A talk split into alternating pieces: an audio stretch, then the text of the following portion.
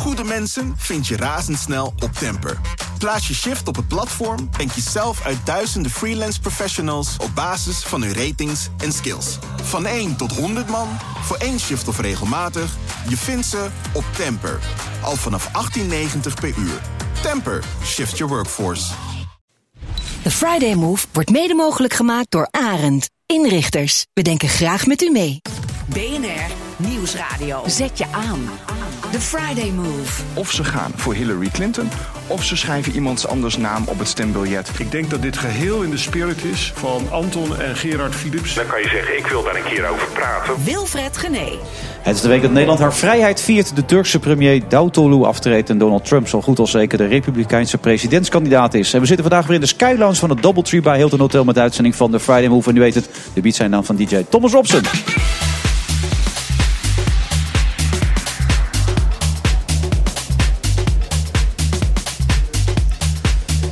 Is de Nederlandse journalistiek corrupt? In het boek Journalistenkoop gaat Arnold Kasters op zoek naar de antwoorden. En hij is tot half zeven ook nog eens mijn co-host. Joop van Riesen schuift weer eens aan. Want de voormalige hoofdcommissaris van de Amsterdamse politie schreef de politietriller Moord op de tramhalte. En Tim Akkermans is de gast. Hij heeft zo meteen een voorproefje op zijn eh, festivalseizoen.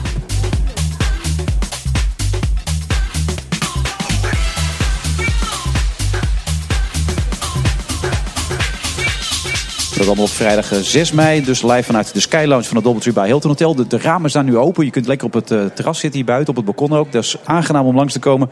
Hebben al de nodige mensen gedaan, kunt u ook nog doen. Uh, Arnold kwam zojuist binnen en zei, als je niet over mijn boek praat, heb je een probleem. Daar kwam het een beetje op neer, Arnold, toch? Of niet? Ja, daar heb je een heel groot probleem. Ja. Maar ik weet zeker dat je erover wil praten. Dus uh, we gaan weer als vrienden uit elkaar. Denk je wel? Het laatste wat ik op de Ja. VVL zag, dat was niet echt vriendelijk namelijk. Over het boek. Nou, nee. Nee, nou, kijk, die mensen voelden zich aangesproken. En, en, en terecht natuurlijk, want ik noem ze ook alle twee in mijn, mijn boek, eh, Frits Wester. En uh, Wouke van Scherrenburg. En uh, nou ja, Frits Wester die is dus nog lid van het CDA. En die is toch parlementair uh, redacteur voor uh, een, een verslaggever voor, uh, voor RTL Nieuws.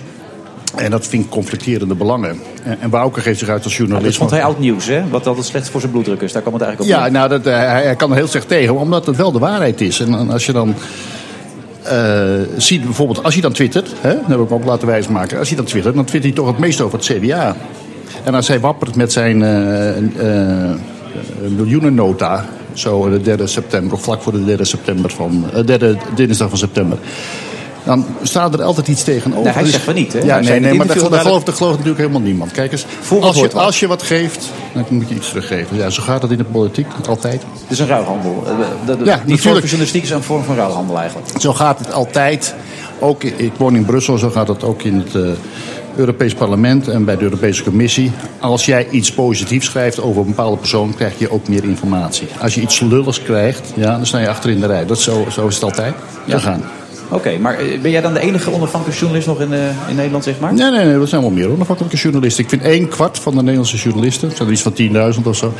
Nou, dat vind ik eh, be- bekwame, bekwame lieden. En, uh, en, en drie kwart vind ik vakkenvullers. Die, uh, nou ja, daar weet ik er heel veel van in Den Haag. Maar die moeten ook wel, die schurken een beetje tegen de macht aan in de politiek. Die Nou ja, later- je, je ziet het met, met, met talloze dingen. Je ziet het ook bij zo'n correspondence dinner. Waarbij uh, uh, Mark Rutte als premier een, een, leuk praatje houdt. En daar zit het hele journaal. En, en, en na afloop gaan ze nog staan en applaudisseren ook. Ja, ik bedoel, je moet, die macht moet je controleren. Het, het, de democratie werkt alleen maar als je de scheiding hebt daarvan. Dus een rechtelijke macht, een, een parlement en een journalistiek die dat Maar allemaal dit- controleert. En als, zolang dat die in elkaar overloopt, dan, uh, dan kun je nooit kritisch zijn. Eén keer zo'n dinner per jaar, dat is toch niet zo erg? Om dat een keer even Nee, nee, maar het, het, is, het is exemplarisch van hoe omgegaan wordt tussen eh, de journalistiek en, en de politiek. En daarom vind ik het heel erg fout. Maar dat is al, altijd zo geweest. Dat is Ja, ja, om dat oké. als argument te gebruiken. Maar het is natuurlijk altijd zo een beetje nee, nee, geweest. nee, maar, daar, nee, oké, maar wat je daarom ziet... Kijk eens, ik, ik, we lopen achter bonnetjes aan en dergelijke... ook al sinds ze vier, vijf jaar oud zijn eigenlijk niet relevant. En, eh, en dat wordt een enorme hype. Maar de echte grote problemen, heb ik het over de euro... heb ik het over het milieu, heb ik het over Griekenland... heb ik het over het vluchtelingenprobleem... dat wordt zo op een achtergrond geschoven. En nou is het spel tussen de journalist en de politicus zo... dat ze het alle twee een beetje in stand houden, die, die hype-journalistiek. Want zo raken wij die ernstige problemen niet aan... die er echt toe doen, hè?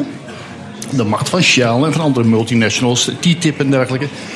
En, en, en, en de journalisten hebben toch een heel makkelijk, eh, ja, iets makkelijk dingetje om achteraan te hullen. En, en, en s'avonds op journaal te brengen. Van ja, dat is duidelijk, is een papiertje, hier ziet het hij. Maar de, ik, ik vind dat de journalistiek een hele belangrijke taak heeft in, in deze maatschappij. En eh, nou, dat, dat, ik, ik geef dat nu een onvoldoende. Het Ja. kan allemaal veel beter. En we hebben alle vrijheid. En dat is het probleem. We hebben alle vrijheid, een hele grote persvrijheid in Nederland. En toch laten we dat weten. Straks komt Hand en Broek ook langs. Dan gaan we het even hebben over die hype van de hypejournalistiek, noem je Ja. het, toch? Ja. En dat die politicus daar eigenlijk ook wel belang bij heeft. Ja, natuurlijk. Dat hij dat graag wil op die Ja, manier. ja nou, want dan zie je op een gegeven moment Rutte die zegt... ja, het was het zwaarste debat wat ik ooit heb moeten voeren. En dan weet je dat hij in zijn achterhoofd natuurlijk zich helemaal plat lacht. Ja. Want het gaat helemaal niet om zo'n bonnetje. Het gaat natuurlijk om veel grotere Maar problemen. het kan dus nog wel. Het bestaat dus nog wel. Onafhankelijke journalistiek. Mensen die hun vak puur en objectief. Nou, zo objectief bedrijven. mogelijk. Ja, absoluut. Ja. Ja. Ja, kijk, je moet Maar ook tegelijkertijd schets je ook het beeld, ook in dit boek, van ja, door de belangen, commerciële belangen, redacties Oh, ja, worden ja. kleiner. Het wordt allemaal steeds Ja, moeilijker. het, het wordt steeds moeilijker en daarom moet je nog meer onafhankelijk zijn dan, vroeger. Maar wat je bijvoorbeeld ziet bij, eh, bij kranten, dat je niet meer weet of het nou een advertentie of een nieuwsbericht is. Dat, dat wordt in elkaar geweven. En eh, nou, dat vind ik ook een zeer kwalijke eh, bedoeling. Wat je ook hebt is de invloed van eh, de embedded journalistiek. Hè, dat we missies hebben naar het buitenland, maar dat die journalisten daarheen worden gevlogen. En, en als compensatie eh, voor eh, het, gasvrij onthaal hun artikel nog even moeten laten Ja. scannen door de, de, de militairen. Dat het niet te kritisch wordt.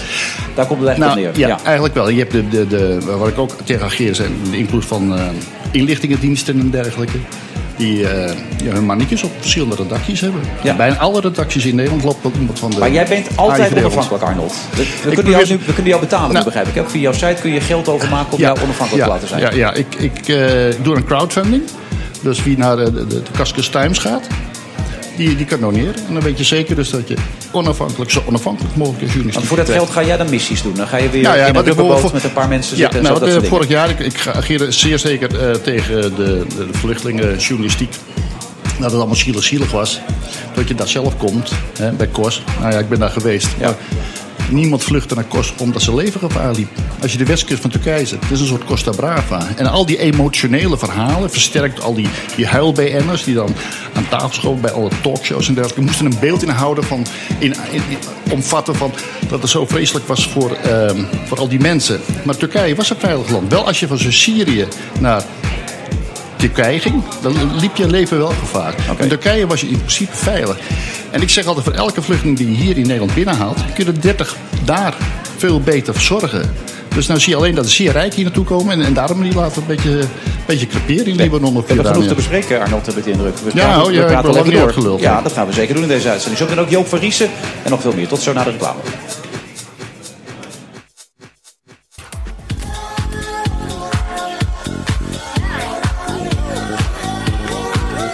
Luister de Friday Move van eh, vrijdag 6 bij. We zitten vandaag ook weer in de Skylands van de Doubletree bij Hilton Hotel. U kunt daar langskomen. Heerlijk aangenaam om hierboven zo te zitten. Dat vindt ook Arnold Kaskens die net een enorme bitterbal in zijn mond steekt. Dat is een beetje lastig natuurlijk. Als je op een radioprogramma zit. Is hij, is hij oké, eh, de bitterbal? Maar je weet, Hij is heet, hè? Ja, leg neer die bal, zou ik bijna willen zeggen. Maar gelukkig zit naast jou ook Joop Ries natuurlijk weer met zijn, eh, met zijn boek. Joop van Ries moet ik trouwens bij zeggen. Eh, de hoeveelste is dit, meneer Van Ries, ook alweer? Dit is de negende. In deze serie. Ja. Nou, dus de eerste was een eh, non-fictie verhaal Ja. over 40 jaar Hij is mijn... echt heet, Arnold, hè? Oh. Hij kan niet meer praten, moest kijken. Het gaat helemaal mis met Arnold Karskens. Die zijn we kwijt de rest van de uitzending. Nee, de eerste was eh, dus mijn beleving van 40 jaar Amsterdam. Dat moet dus kloppen, Ja. allemaal. En eh, daarna zei de uitgeverij van... hé, hey, ga eens een roman schrijven, politieromans. Bedenk eens wat nieuws. En toen kwam Anne Kramer op de En toen kwam Anne Kramer op de Ja, een, een dame voor de duidelijkheid. We hebben het eerder al in deze uitzending wel eens over Anne gehad natuurlijk. Ja. Maar Anne is dus een vrouw, maar dat bent u eigenlijk zelf. Maar dat doet er niet toe. Jawel, toch? Hè? Beetje Ja, op die manier. weet moet je dat- wel. Ja. Nou, nou las ik trouwens de titel, Moord op de tramhalte. Maar dat een beetje aparte titel vond ik dat heel gezegd.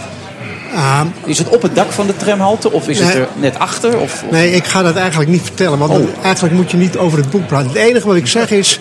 Niet op zaterdagmiddag, op zaterdagmiddag wordt om vier uur... op het drukste moment een vrouw vermoord in de Leidse straat. Zo. Niemand merkt het. Toch op het drukste moment. Dan gaat de politie natuurlijk aan de slag. En ergens komen ze in de loop van dat onderzoek... mogelijk in Bloemendaal uit... Ehm, en dan zou dat te maken kunnen hebben met wat er in de oorlog in Bloemendaal is gebeurd. Ik heb altijd bedacht op een gegeven moment van... er komt nog een keer een boek waarbij ik, waarbij ik schrijf over datgene wat eigenlijk met de familie in Bloemendaal in de oorlogstijd is gebeurd. En ik heb dat gecombineerd met elkaar. Ik wist niet van tevoren of ik daar ooit die 70 jaar zou kunnen overbruggen. Nee. Hè, want je moet ergens een link leggen. Ehm, of mijn familie er blij mee is dat ik dit schrijf, dat moet ook maar blijken. Hè, want het is misschien niet zo handig om over je familie te schrijven enzovoort. Verraad in het het spel of zo. Pijnlijk dus? Hm? Verraad in het spel. Er zit verraad in het spel, maar ehm, kijk, primair, ik heb het boek opgedragen aan mijn oma. En zij heeft daar gezeten in een huis vol met onderduikers. Ja. Met een aantal kinderen die in het verzet zaten. Eh, en achteraf denk je wel eens, wat heeft die vrouw allemaal meegemaakt gewoon. Hè? Wat een drama gewoon. Hè? En het beeld is dat ze daar rustig zat, een boekje las. Dan denk ik, waarom heb ik niet als twintigjarige met die vrouw gepraat? Dus tijdens het schrijven had ik zoiets van, oh, wat jammer. Ja, maar dat heb ik ook hoor. Ik, ik heb ook boeken geschreven over, over de Tweede Wereldoorlog. En ik heb alleen al een spijt dat ik niet gevraagd heb aan mijn vader die allemaal op die foto staan. Ja, ja, je? ja. Daar, dat- is, was al, uiteindelijk al een heel boek. Ja. En nu zie je eigenlijk dat, dat dan vervaagt zo'n zo'n beeld van een oorlog ook. Alle details worden een beetje glad gestre- gestreken. gestreken. En, en dan komen er eigenlijk alleen nog maar hele vaak cliché dingetjes erboven. Nou ja, dus wat je eigenlijk wil weten is de emotie van zo'n vrouw. Hè, wat heeft zij daar... eh, de, het zat, het Bloemendaal zit, lag achter de Atlantic wel, hè, vlakbij. Dus het zat vol met Duitse soldaten rondom het huis heen. En dan heb je een zolder vol met onderduikers. Ja. Jeetje. Voor. Kinderen die op een gegeven moment gepakt zijn ook. Hier in de gevangenis zitten in Amsterdam. Verhoord worden. En dan zit je daar als moeder zit je daar tussenin. Nou, ik denk daar ga ik een keer over schrijven. Ik ga niet vertellen wat de combinatie is tussen de moord en eh, wat er gebeurd is daar. Maar eigenlijk is dat het verhaal. Maar het intrigeert jou sowieso, Arnold. Hè? Jij komt uit een verzetsfamilie ook, Ja, begrijp ja, ik. en dat ja. heeft jou destijds ook geïnspireerd, toch? Om al die Ja, dingen te doen die je nu doet. Ja, ja, ja, ja want ik, ik, ik, was nog op de, ik was nog in Bloemendaal een paar dagen geleden natuurlijk. Hè, op de Eerder Begraafplaats ligt een van mij. Dus ik, ik ben er altijd mee opgegroeid met, met, met die verhalen. En dan mocht ik vroeger als kind nooit naar luisteren. Dus dan werd ik een, echt de kamer uitgestuurd. Misschien heb je dat ook wel gekend, Joop. En dan bleef ik achter de deur luisteren, want het boeide me wel. Ja. En, eh, Nou, er, er werd eigenlijk nauwelijks over gesproken gewoon. Hè. Dat, dat, dat vond ik ook wel... Af en toe als je er naar vroeg van, nou ja, oh, dat was dat. En voor de rest... eh, Nou, bij- bij ons werd er al over gesproken, maar er kwamen dus vrienden uit het verzet. hè, En de familie, veel, veel familie kwam er bij elkaar. En dan was het een, ja, wat een soort therapie werd het eigenlijk. Hè? En dan, maar dan mocht dan de kinderen, die mochten er niet bij zijn. Nee, nee. wa- waren natuurlijk verwijten over en weer, hè, want er waren boerderijen in brand gestoken en, en, en mensen kwamen natuurlijk om. En eh, en, ja, dan konden ze alleen onderling konden ze dat allemaal een beetje rechtvaardigen. Ja.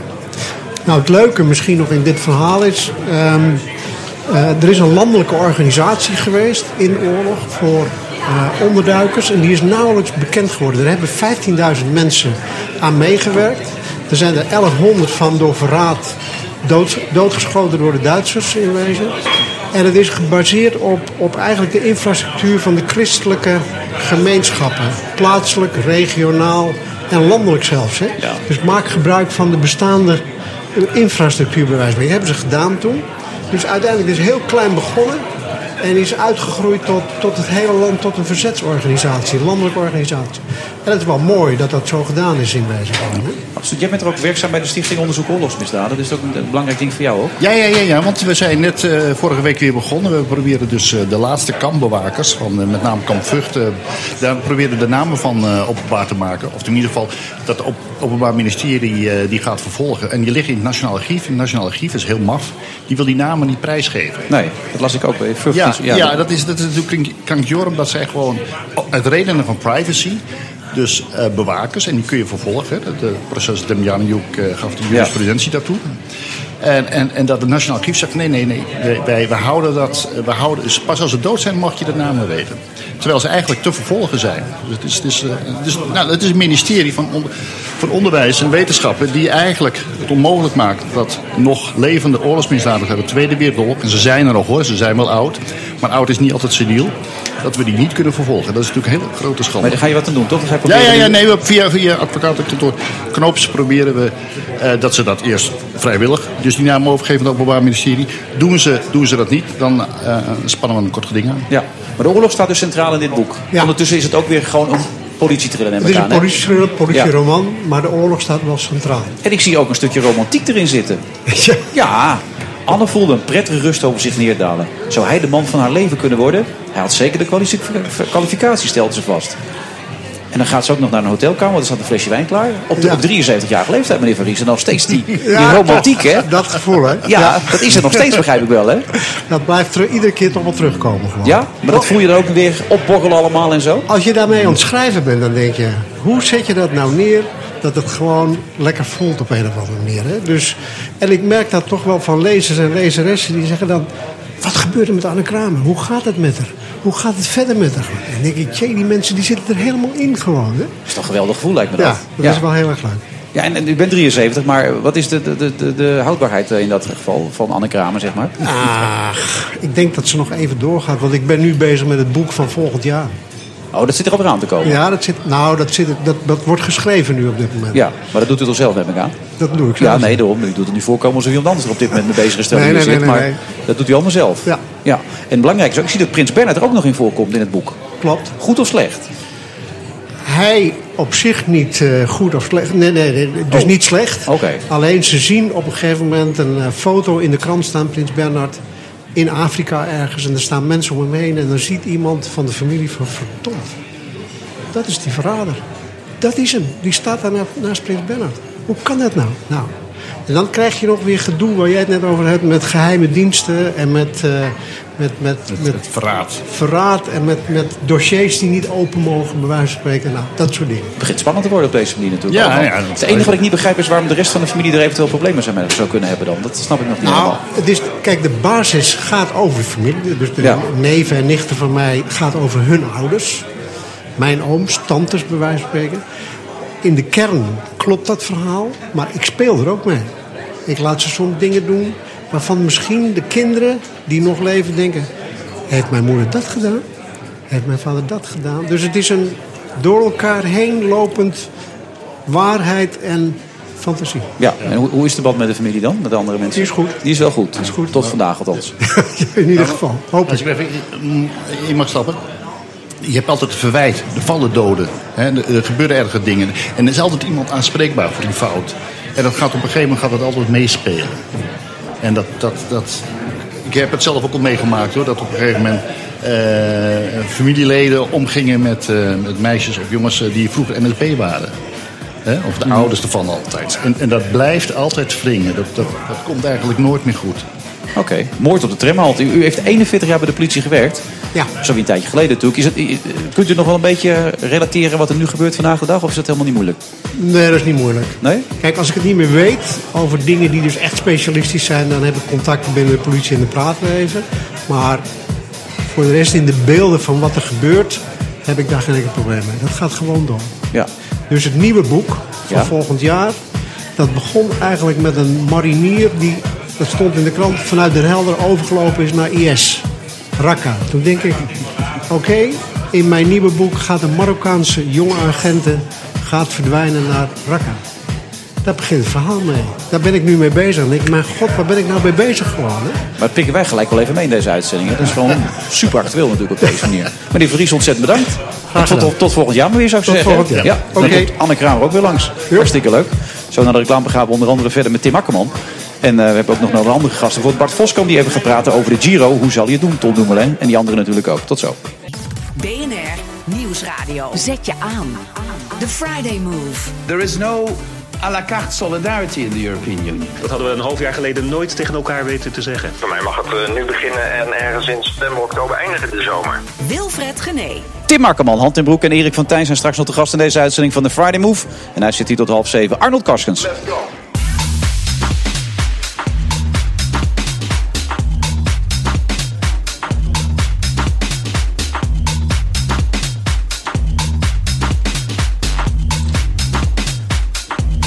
Inmiddels is ook aangeschoven bij Bernard Hammelburg, terug uit Amerika volgens mij. En heeft een boek meegebracht dat heel erg lijkt op het boek trouwens van onze gast van vandaag, Arnold Kaskens. Ja,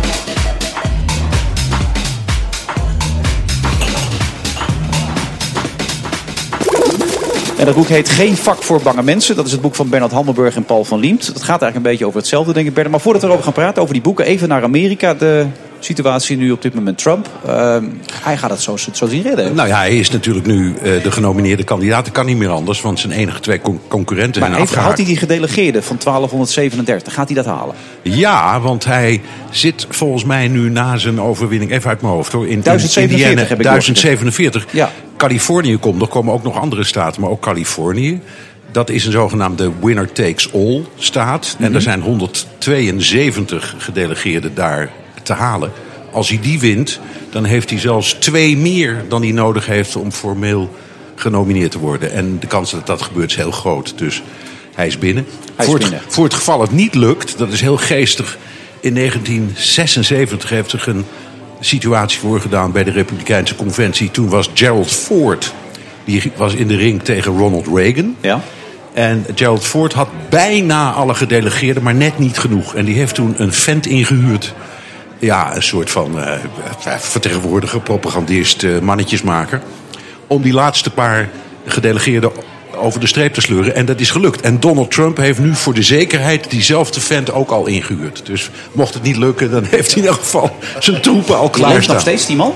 Die, ja, dat was toen waarschijnlijk een jongeman. Boven, Ja, dat moet wel, denk ik inderdaad, ja. Gerald Ford is er al lang niet meer. Maar, Nee. eh, maar, maar dit, dit, dit, dit, dit is een bekend verhaal hoor. Maar goed, en dan? En, eh, eh, Als hij, dat, hij wordt er dus, daar ja. gaan we vanuit. En dan? en nu is de complicatie dat, dat hij is het en hij wordt het. En het partijbestuur begint zo langzamerhand bij te draaien. Die houden dus op, op met campagne voeren. Maar een aantal hele prominente republikeinen... die hebben zich nu formeel tegen hem gekeerd. Vader en zoon Ja, de Bush. Bushes, hè? Die, ja. Die zeggen wij steunen hem niet. Die komen waarschijnlijk ook niet eens naar de conventie. En gisteravond laat eh, Paul Ryan, de, de, de zeer populaire voorzitter van het Huis van Afgevaardigden... en een hele prominente republikein... eh, waarvan heel veel eh, partijgenoten hadden gehoopt dat hij zich ook nog in de strijd zou gooien. Want dan had hij waarschijnlijk de nominatie binnengesleurd. Die zei gisteravond laat, ik kan Trump voorlopig ook niet steunen. Nou, dat is, dat is niet bepaald prettig. Dus hij gaat, hij gaat, hij gaat niet met, eh, het is geen ontvangst met open armen. Ja, en, eh, Bernard, ik heb nog even een vraagje. Wat, wat ik nou zie zijn veel van die, ant, die tegendemonstraties tegen Trump. En dan vroeg ik me af, hè, want jij loopt al wat langer mee. Waren, dat, waren ook dat soort demonstraties bij, bij vorige races en Ja, dergelijke? jawel, er zijn altijd eh, demonstraties. Maar ik moet zeggen, zo rauw als nu, dat kan ik me eigenlijk niet herinneren. En ik doe het vanaf 1979, elke vier jaar. En zo, zo, zo hard, maar ook zo grappig journalistiek als nu, moet ik erbij zeggen. Dat heb ik nog niet eerder meegemaakt. Nee, nee. Maar is, is het dan altijd tegen, tegen conservatieve eh, kandidaten? Ehm, Of was het ook dat- rechts op een gegeven moment eh, tegen eh, de linkse kandidaten te keren? Ja, dat is ook wel gebeurd tegen. nou ja, het ruchtste verhaal is natuurlijk Robert Kennedy. Die op weg was om kandidaat te worden. En is vermoord in de, in de opmaat. Nou, een- een gruwelijker voorbeeld kan ik niet verzinnen. En dat was dus rechts tegen links, heel duidelijk. Ja. Dus dat kan ook. En Maar, hoe- hoeveel journalisten heeft Trump ongeveer in zijn in zijn zak, zeg maar? nou, heel veel hoor. Eh, ze doen allemaal wel heel kritisch. En daar hebben ze ook gelijk in. Want het is natuurlijk een omstreden man en hij roept de gekste dingen. Ja. Maar het, ook, ook, ook, laten we zeggen, de elite Maar in laatst het... met het abortusverhaal leek hij zich echt zichzelf in zijn voeten hebben geschoten. Met het- sorry. Dat, dat hele abortusverhaal wat hij toen zei. Dat als mensen verkracht worden, meisjes, dat ze dan Ja. niet de abortus Ja, mogen ja, plegen. daar heeft, ja, daar heeft hij zich mee. eh, daar heeft hij zich, leek hij zichzelf Ja, schade mee. dat- Maar vervolgens won hij alle zes inmiddels voorverkiezingen die na dat moment hebben. Eh, eh, eh, zich hebben voorgedaan met glansrijk. Echt met, met, met, met enorme scores boven, boven het 50%. Dat is echt knap hoor. En de laatste zelfs boven de 60%. Nou, dat is. Dat, dat, Echt goed dat, inderdaad, dat-. Het is echt goed. Maar hij heeft, hij heeft er dus veel in de zak. Daar, daar gaat het Hij heeft veel de zak, maar er en nu krijg je, het, is, het wordt dus zeker een strijd tussen Hillary en, en Trump. Wat, wat heel geestig is. En, en, en dan krijg je de rare situatie, hebben we al een keer eerder geloof ik hier aan tafel over gesproken. Dat Hillary is niet zo geliefd. Ehm, maar wel een enorme control freak. Ja. En Donald Trump is zeer omstreden. En een loose cannon. En je krijgt dus debatten. En dat, dat zijn de momenten waarop de meeste kiezers gaan beslissen op wie ze gaan stemmen. Dat worden er waarschijnlijk drie. En dan krijg je zo'n loose cannon tegen een control freak. En het is heel moeilijk te voorspellen hoe dat gaat. Het kan zijn dat Hillary echt de vloer met hem aanveegt. Maar de kans dat het andersom gebeurt is minstens net zo groot. Dus ik blijf bij wat ik eerder heb gezegd. Ik zie die man nog steeds een redelijke kans hebben om de nieuwe president te worden. Oké. Eh, hoeveel onafhankelijke journalisten kent Amerika nog? Hier hebben we nog maar een kwart in Nederland volgens, eh, volgens Arnold. En de rest Ja. is, dat hult maar een beetje met de duivel en dat soort dingen. En zo. Ja, het hangt een beetje. Ik heb het boek eh, niet helemaal, maar bijna gelezen van Arnold. Ehm, en ik ben het er ook wel mee eens. Je ziet. eh, dat is niet het- spannend voor de uitzendingen, Bernard. Je Nee, kan nee. even roepen dat je het totaal Nee, niet mee eens nee, bent. Nee, nee, nee, nee, nee, maar het- de, vraag die kwart. De, ja, ja, ja, nou dat weet ik niet. Dat hoop Nou ja, ik, dat nee, hoop ja, ik nee, altijd maar. zo schat ik jou in, Nee, maar ik heb bijvoorbeeld, ik ik, ik las al die, al die dingen over. Heb je wel eens voor, de, voor, de, voor een veiligheidsdienst gewerkt? Of ben je wel eens benaderd? En in mijn geval is het antwoord voor zover ik weet niet. En ik ben nooit benaderd. Maar helemaal zeker weten doe je dat ook niet. Ook wel hè? weer pijnlijk Dat is- tegelijkertijd. Nee, en dat dat in Amerika Dat is geeft dat wel weer het aan natuurlijk. ja. De vraag was, hoe is dat nou in Amerika? Ietsje beter. Ik vind dat in Amerika de journalistiek harder vecht om onafhankelijk te zijn en te blijven. Ik, ik, dat vind ik echt. Ehm, zowel aan de linker als aan de rechterkant. Om een voorbeeld te geven, de New York Times, waar die discussie ook vaak over gaat, hoe onafhankelijk is die nou nog? Die zegt, het gaat ons moeilijk, net als andere, al- alle andere media, maar de laatste concessie die wij zullen doen, is op het gebied van inhoud. En die hebben nog altijd meer dan duizend eh, eh, redacteuren in dienst. Moet je je voorstellen. En die krant is wat oplagen betreft helemaal niet zo groot. Die is 700.000, 800.000. En in het weekend misschien een miljoen. Maar, maar zorgt dan die nieuwe media, Arnold, dan weer voor de tegenwicht van al die... Nou ja, die, die zijn wel in een gat gesprongen natuurlijk. Hè. Het, probleem was bij de nieuwsvoorziening dat, dat, dat mensen het NOS-journaal niet meer geloven. Nou, en ik geloof het zelf ook niet, want soms laat ik met mijn neus bovenop... dan weet ik dat ze de zaak verdraaien. En hetzelfde met Nieuwsuur. Je, je- ik, ik weet, ik ga, ik ga hem Dat interview met. Assad vond jij een goed interview, neem ik aan laatst. Van Nieuwsuur. Eh, ja, kijk eens, als ze echt op pad gaan en, en aan fact-finding doen, dan zijn, het, dan zijn ze wel goed. Ik vind veel correspondenten van NOS, eh Sander van Horen en dergelijke, als ik hem hoor, dan, dan luister ik ernaar. Maar het probleem is, er is een structuur, een soort ambtenarencultus in, in Hilversum. En die volgt precies wat, wat eigenlijk de voorlichtingsdiensten in, in, in Den Haag, in Brussel en in, eh, in Washington voorschrijven. Ik zal het voorbeeld geven. Op een gegeven moment, vorig jaar, even weer over die, over die vluchtelingenstroom. Het was allemaal zielig, zielig, zielig. Emojournalistiek van de bovenste plank van het NOS-journaal. En op een gegeven moment wist de, de, de, de Nederlandse regering en, en ook Brussel van... ja, zo, zo kan het niet meer. Dus in november ging het om. Het roer ging om. hè. Ja. De grens moest dicht. En precies diezelfde... Woordspeling met het roer, maar ga door, ja. Eh, Nou, letterlijk bijna, Ja. ja. En ehm, diezelfde avond zag je het NOS-journaal, het nieuwsje ook bijdragen. Had het meer over vluchtelingen, had het over asielzoekers en dergelijke. Dus dat werd, werd meteen gecorrigeerd. En dan, dan merk je gewoon van Framing, meteen andere vormen van benaderen. dan. wiens brood men eet, wiens woord men spreekt. Dat zag ik zo overduidelijk. En ik denk van, nou, dat zijn eigenlijk ontzettend slappe Ik, ik, journalisten. ik, ik geloof je dat- dit, ik geloof eh, dat- ja, Want ik jij hebt ik heb gewerkt, ik heb Ja, 30 jaar. En ik heb, maar ik. ik heb een naïevere verklaring daarvoor dan Arnold. Veel minder cynische. Eh, de, de belangrijkste vraag voor elke journalist is altijd... Is wat ik hoor ook waar? En het maakt niet uit wie de mededeling doet. Al vertrouw je je bron nog zo eh, zeer... Je moet altijd twijfel hebben. En dat is wat, vind ik ook, bij het NOS-journaal bijvoorbeeld vaak ontbreekt. Ik geloof niet dat ze His Master's Voice willen zijn. Het is gewoon gebrek aan gezonde journalistieke twijfel. Een politicus of een woordvoerder die zegt iets. Nou, dat geef je keurig weer. Zonder de vraag te stellen van, ja, zou dat eigenlijk. Kan dat wel? Klopt dat wel? Zijn die feiten wel juist? Moet ik niet even kijken of het klopt? Maar Bernhard heeft nog Ehm, een en- bepaalde naï- naïviteit. ja, zegt van- en, en, en om even terug te komen op de New York Times. ehm, die heeft bijvoorbeeld besloten om in beginsel geen ministers meer te interviewen. Die hebben daar gewoon afscheid van genomen. Omdat, precies om deze reden. Die zeggen, ja, dan krijg je een verhaal. Dan moet je aan eindeloze fact-checking gaan doen. Dat is met zo'n minister bijna niet te doen. En het, het verhaal klopt zelden of nooit. Dus laat het gewoon maar niet meer doen. Ja, dat ik een goede we- instelling. Ja, nou, heel apart hoor. Wat je, wat je ook in, in Nederland hebt, dat is gewoon een soort consensusjournalistiek. Hè? Dat, dat journalisten eerst naar links en naar rechts kijken van... ja, wat zeggen mijn collega's over diezelfde zaak? Nou, laat ik maar hetzelfde vertellen. En dan... eh, ja, Maar je kunt je toch pas onderscheiden door juist je eigen koers te varen, lijkt ja, mij. ja, maar ze spelen op safe. Het is het poldermodel bij uitstek, de Nederlandse journalistiek. Maar je maakt er geen vrienden mee, daar ben je er niet op uit, las ik vandaag Ja, ergens I'm not in the business to be liked, eh, eh, is mijn, eh mijn gezegde. En dat lukt je aardig ook. Nou ja, ik vind een, een goede journalist zonder vijanden, eh, die bestaat niet. Dus, eh, nou ja, ik, ik, ik, ik Heb jij vind veel dat- vijanden, Bernard? Vast wel, ja. Ja, ik denk wel. Ik weet niet. Ik- ik- laat ik het zo zeggen. Als je kijkt naar de reacties, bijvoorbeeld op mijn column. Nou, die, die liegen er vaak niet om hoor. Nee, er komen mensen die gaan jou bellen en zo ook. En, nou, eh, het, zijn, het is voornamelijk online. Hè. Het is, eh, die, die, die column die wordt als audio uitgezonden, maar die verschijnt ook op de website. En Ja. je weet, er- we, we leven in een tijd van een, een omslag. Dus het, het, het, de, de app en de website groeien, het radioluisteren niet meer. Dus die- en, en dan kijk je naar de reacties op die eh, column. Maar, en, en ook mails die ik dan ontvang.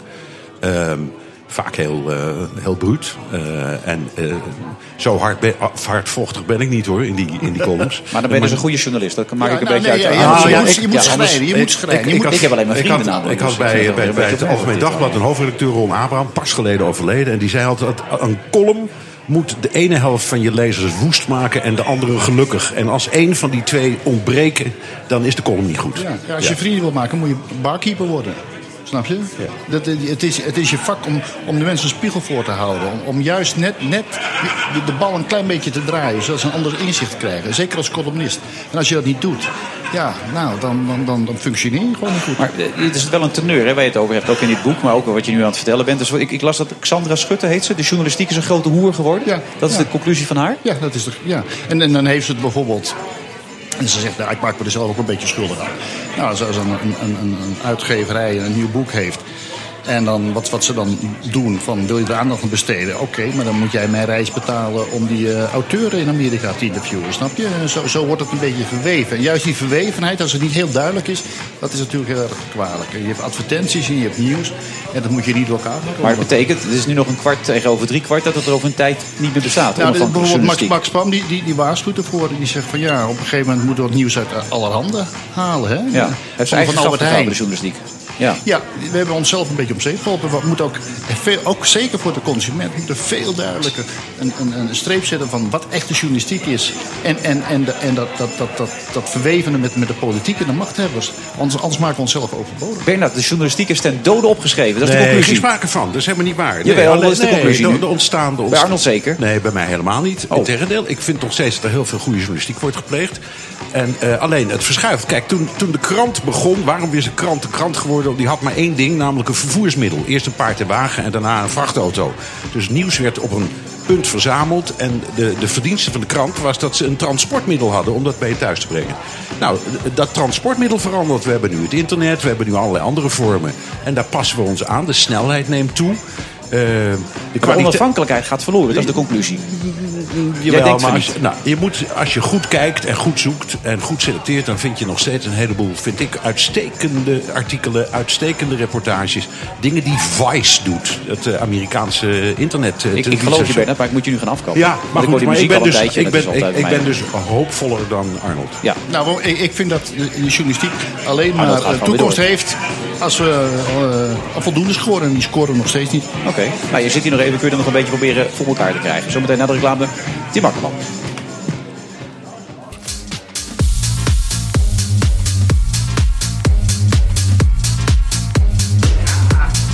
U luistert naar de Friday Move van vrijdag eh, 6 mei. We zitten vandaag natuurlijk in de Sky Lounge van het Doubletree bij Hilton Hotel in Amsterdam. U kunt daar langskomen. Hebben ook al heel veel mensen gedaan. Luistert u maar. Ja, nou, het is een gekke huis. Je moet er even om vragen, maar dan heb je ook wat. En naast mij zit een man die geniet van de Beach Boys, van de Bee Gees en van Bach. Toch? Heb ik het zo goed omschreven, Arnold, of niet? Bach. Bach, of heb je er Ja, niks ik ben gek op Bach. Ja. En de Beach Boys en... En de Beach Boys, en de Beatles. en de dat Gees. waren echte, echte muzikanten, ja. Dus als je, als je B van... Ja, ik heet Kaskus helaas, maar B, dat zijn, eh, dat zijn mijn favorieten. Oké, maar allemaal met een B bijna. Maar wat is dat? Is dat Ja, ja, ja dat is, dat is- op een of andere manier moet je een, een, een, een lijn trekken. En dan zeg je, van, als ik, als ik alles bij de B hou, dan eh, is die muziek voor mij ook een beetje begrijpelijk. Dus vandaar. Oh. Dus ik draai eigenlijk alleen maar B-muziek. Nou, lekker. Eh, Tim Akkerman, maak jij A of B muziek? Nou, mijn achternaam is Akkerman, dus eh, dat is toch wel de A, denk ik. Maar ik ben ook wel van de Beatles, hoor. En, en Bach zelfs ook stiekem. Dus, eh, Echt waar? ja, ja. Ik luister af en toe wel eens eh, klassieke muziek. Ik kijk even Ja. om de microfoon heen. Maar je zit echt serieus. Je lacht er ook niet bij en zo. Nee, nee, nee, het is echt... eh, Maar dat doe je met de kinderen erbij of zo dan? Hoe, Nee, nee, nee, echt gewoon, ja, ik haal er best wel inspiratie uit stiekem. Echt waar? Ja, ja. En komt dat ook terug in nummers die we nu gaan horen? Op je Eh, nieuwe album en dat soort dingen? Nee, allemaal? dat vind ik dan te hoog gegrepen om dat te roepen. Maar eh, eh, nou ja, Kars zegt net ook met Beatles. Beatles hebben echt ontzettend veel eh, klassieke muziek tevoorschijn gehaald. Om hun eigen muziek eh, in een popvorm eh, te doen. En ik denk dat, een beetje, dat, dat dat voor mij wel een drijfveer is van, eh, van het maken van muziek. Ik bedoel, eh, vernieuwend kan ik nooit zijn, want alles is al eens een keer gedaan. Maar ik vind het wel inspirerend om daar naar dat soort dingen te luisteren. Want je krijgt wel ongelooflijk veel eh, ja, breedte in je, in je muziek. Ja, maar je hebt het over de Beatles. Zijn er nog andere grote namen waarvan je zegt... die hebben mij echt geïnspireerd? Die Ja, mij het begint met een B. Ik ga er binnenkort ook naartoe. Uh, Bruce Springsteen, dat is voor mij echt de allergrootste held. Ja? Ja, die is alles voor mij. Als ik, eh, Oh, Karsten Nee, zit Karsten- een beetje... nee, nee. Meneer Karsten vindt het niks. S, A. Ja. Ik heb nooit van die muziek gehouden op een of andere manier. The Boss. Ja, is weer die B toch, het- de Ja, bos. ja. Wat is je meest favoriete nummer dan? Ehm boe, de goede vraag. Ehm, ja, ik denk. Ja, ik denk Heartlands toch wel echt eh, voor mij wel de, de, de meest mooie is. Oké. Marianne Zwageman, die staat, die zit er ook wel zeggen. Die is ook helemaal gek van. Die kan dan huilend voor het podium staan enzovoort. Marianne schiet ze helemaal vol. Dat heb jij niet, toch, Tim? Of, eh, Ik schiet niet vol, maar ik krijg wel echt de rillingen over me heen als hij eh, begint te spelen. Het is, het is heel gek. Maar dat- waar? ik heb vorig jaar ook dat boek gelezen en dat is... eh, nee, ik ben niet de enige. Oké, het festivalseizoen Bast weer los. Wat, gaat dat voor jou betekenen? Eh, ik ga met de band inderdaad een aantal, aantal keer spelen. En ehm, de verschillende festivalletjes. En, ehm, Festivalletjes? Of, ja, gewoon hele kleine. Ja, hele kleine. wat- ja, nou, heel klein ook niet. Beetje zoals wij hier qua publiek nu hebben. Of is nee, het iets iets groter. Iets groter. Nee, ik denk aan eh, 3000 man ongeveer. Oh, eh, een beetje die, geen festivalletje, heel gezegd. Maar Ah, een festival. Een festival. ja. Maar eh, van de zomer inderdaad. En ik ben ontzettend druk met het schrijven van een nieuwe plaat. Het in oktober uit gaat komen. Dus eh, ben, voorlopig ben ik heel druk. En op wie is dat een beetje geïnspireerd? Dat nieuwe album? Eh, Kunnen we dan klanken terug horen? Of je denkt Ja, van, dat is een beetje in de verte die en die? Nee, ik heb een soort mix gemaakt. Wat ik, wat ik altijd doe is voordat ik eh, de studio inga... is gewoon een soort van palet maken van... oké, wat, wat voor sound zoek ik? En eh, in dit geval heb ik gekozen voor The Human Touch van Bruce Springsteen... met, met The Killers uit, uit Amerika. Die, die sound een beetje gemixt en daaruit proberen zeg maar, iets, iets nieuws te brengen. Maar ook al zeg het, eh, het fietsen Ja, dat kan al, dus eh, niet echt nieuws, kan niet. Nee, maar het precies. Is, het- maar ja, wel geïnspireerd door. Dat is, dat is wel voor mij belangrijk. Ja. je bent Arnold helemaal kwijt met al die namen. Heb ik denk de Killers enzovoort. Arnold is er niet echt... eh, nee, hè? Nee, nee. Ik, ik dacht Wil je toch net regelmatig naar met, Vista eh, Social Hij Club. is blij, blijven steken bij de Beach Boys. En, ja, net wat ik zei, ik, ik, ik heb heel lang in Zuid-Amerika gereisd, hè, ook als oorlogsverslaggever en zo. En dan was ik alweer laatst in Cuba en dan hoorde ik de Buena, Buena Vista Social Club. En, dat, en dat, dat vind ik een soort temperament hebben dat me zo dicht bij het hart ligt. Ja, ja super. Daar kan ik wel heel Bruce Springsteen tegenop, sorry. Wat ik wel heel opmerkelijk vind, ik ben ook een paar keer op Cuba geweest, dat er altijd wel iemand ergens, als je in een café kwam, bij de Altijd. Buena Vista Social Club speelt. Ja, en dat is nee, maar heel die, die, Wij die, hebben heeft die ook. dus- Dat verveelt ook nooit. Als je, als, je, als je het goed na, na, we hebben er ongeveer 200 man in die Buena Vista Social Club gezeten. Want anders begrijp ik niet hoe ze het voor elkaar krijgen om overal van die mensen te laten opdraven. Ja, wij hebben de Hermes House Band, zeg ik maar. Die Ja. speelt ook iedereen in. Ja, zo is het ook maar weer inderdaad. Eh, wat gaat het nummer eh, waar jij nu zo meteen gaat spelen, waar gaat dat over? This Time It's For Real. Het is ehm, ehm, eigenlijk een beetje gebaseerd op het bi- biografie. Zo, weer een klinker kopen. De biografie van, eh, van Bruce Springsteen. Die heb ik vorig jaar gelezen. Voor mij was het een soort mindset die ik had. En sorry Karsten, ik ben gewoon heel erg fan van die man. Maar die heeft meer dan tien jaar rondgesleurd met zijn muziek. En hij kreeg het niet aan de man. En uiteindelijk, eh, na tien jaar was hij op een gegeven moment... joh, ik ga één ding proberen, ik zie het wel. En vervolgens bleek dat zijn succes te zijn. Maar altijd met die overtuiging. En... ehm, ik heb dat zelf ook. Ik ben, eh, ben nu al vijf jaar eh, solo verder en het gaat steeds beter. En eh, ja, misschien nog wel vijf is dit jaar. het punt waar je verwacht had te zullen staan? Of had je stiekem gehoopt verder te zijn? Als je eerlijk Nou, bent. je hoopt, je hoopt dat je verder bent. Maar aan de andere kant moet je ook realistisch zijn. Ik, eh, voor mij is het wel echt een punt wat ik, wat ik nu bereik. Is dat mensen je ontdekken, je muziek horen. En, en eh, oprecht ook zeggen van dit vind ik mooi of vind- dit vind ik niet mooi. Zonder dat er een hype aan vast zit. Of, eh, Maar met Direct heb je natuurlijk dat enorme succes Exact. gekend enzovoort. Ja, en dat mis je dan niet zo. Nee, totaal niet. Nee. En vooral omdat ik, ik heb het mee mogen maken. Het is, het is ook nog eens een keer een luxe positie waar ik in zit. Dus voor mij is het meer van, joh, ik ben een nieuwe fase ingestapt. En dat ehm, ja, pakt heel positief uit nu. Maar als het dit is, kun je daarmee leven? Ja, zeker. Ja. Er hoeft niet meer te komen. Nee, als het komt is het een cadeautje. En eh, het feit dat ik gewoon nog steeds rond kan komen van muziek maken is in Nederland al een unicum. Dus dat betreft eh, heb ik niet te klagen. En ik, eh, ik doe gewoon heel veel dingen daarnaast. Schrijf voor andere artiesten. Ehm, eh, bijvoorbeeld aankomende zondag ga ik totaal iets anders doen. Maar dan ga ik voor alle moeders ga ik, liedjes spelen. Mensen kunnen dan iets inzenden van een liedje wat ik voor hen moet spelen. Dus we gaan gewoon covers spelen. Maar naar aanleiding voor de moeders die, eh, voor Moederdag. En eh, dat zijn allemaal gewoon hele leuke projecten die ik daarnaast doe. Ik heb echt één regel met mezelf. Ik doe alleen maar leuke dingen. En dat eh, sinds dat ik eh, eigenlijk solo ben gegaan, is dat ook maar gelukt. En daar kan je van leven ook nog. Ja, Nou, ja, dan is het helemaal klaar. Dan moet je dat vooral blijven doen. Ik zou Zeker. zeggen, ga voor de microfoon staan, Tim. We zijn heel benieuwd. This time, it's real, dames en heren. Geef hem een hartelijk applaus. Hier is hij.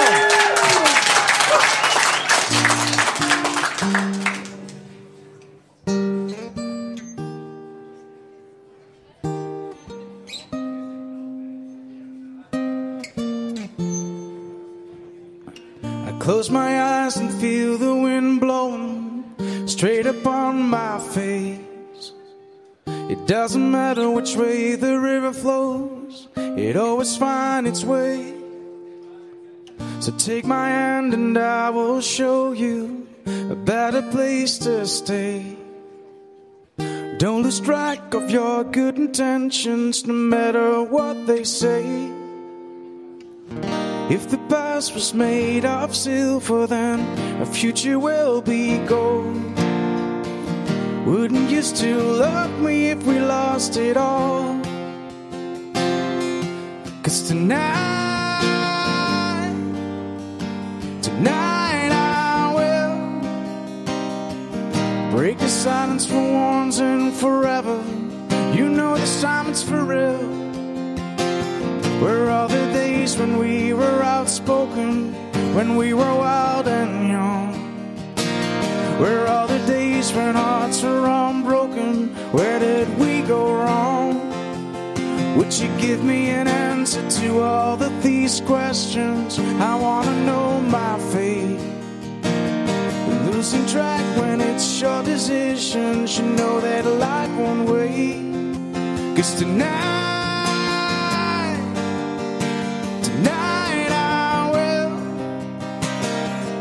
break the silence for once and forever. You know this time it's for real. Cause tonight, tonight I feel just closer, it's now or never. You know this time it's for real. This time it's for real.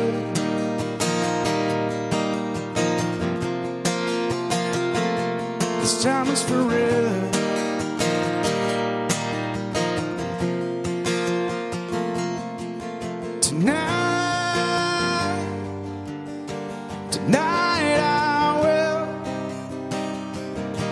The silence for once and forever.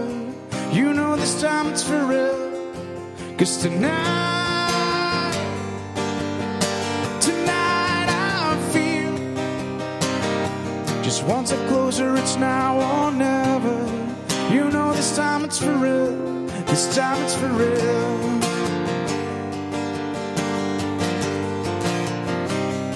This time it's for real.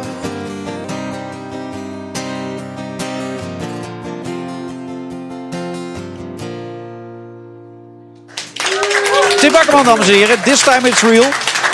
Is mooi, toch? Ja, en bovendien, die onafhankelijkheid die hij ook uitstraalt. Dat moet jou aanspreken. Gewoon Gewoon mooie dingen eentje. willen maken. Ja, One-man band ben ik ook. Ja, eigenlijk wel. Dus jullie hebben toch wel iets gemeen. Ondanks het wel. feit dat hij niks... eh, Nou, hij, hij, hij, hij uit zich en eh, ook iemand die eh, gewoon staat voor, eh, voor wat hij doet. Daar hou ik van. Hou dat vol, Tim. Maar dat gaat wel lukken, heb ik de indruk. Dus, eh, Dankjewel. Daar maken we ons geen zorgen over. Zometeen praten we verder in deze uitzending met Arnold Karskens. En onder andere ook Han ten Broeke. Eh, zit hij eigenlijk ook een beetje in die hype als het gaat om de politiek en media? We horen het zo. De Friday Move wordt mede mogelijk gemaakt door Arend. Inrichters, we denken graag met u mee. BNR Nieuwsradio. Zet je aan.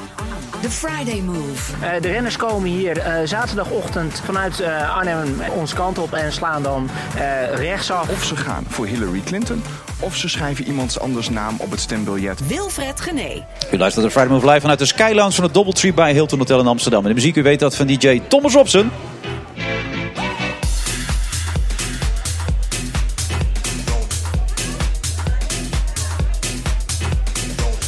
Bezocht als oorlogsverslaggever zeker 30 conflictgebieden. Maar vandaag zit hij veilig in de Skylounge van het Doubletree bij Hilton Hotel in Amsterdam. En Arnold Kaskens blijft hier maar lief zitten tot half zeven. Hij is mijn co-host. En we praten met VVD-Kamerlid Hand en Broek over Turkije. Wat betekent het opstappen van de Turkse premier voor de relatie van de Turken met de Europese Unie? En we praten ook nog over de kansen voor Douwe Bob op het Songfestival met Erik van Tijn.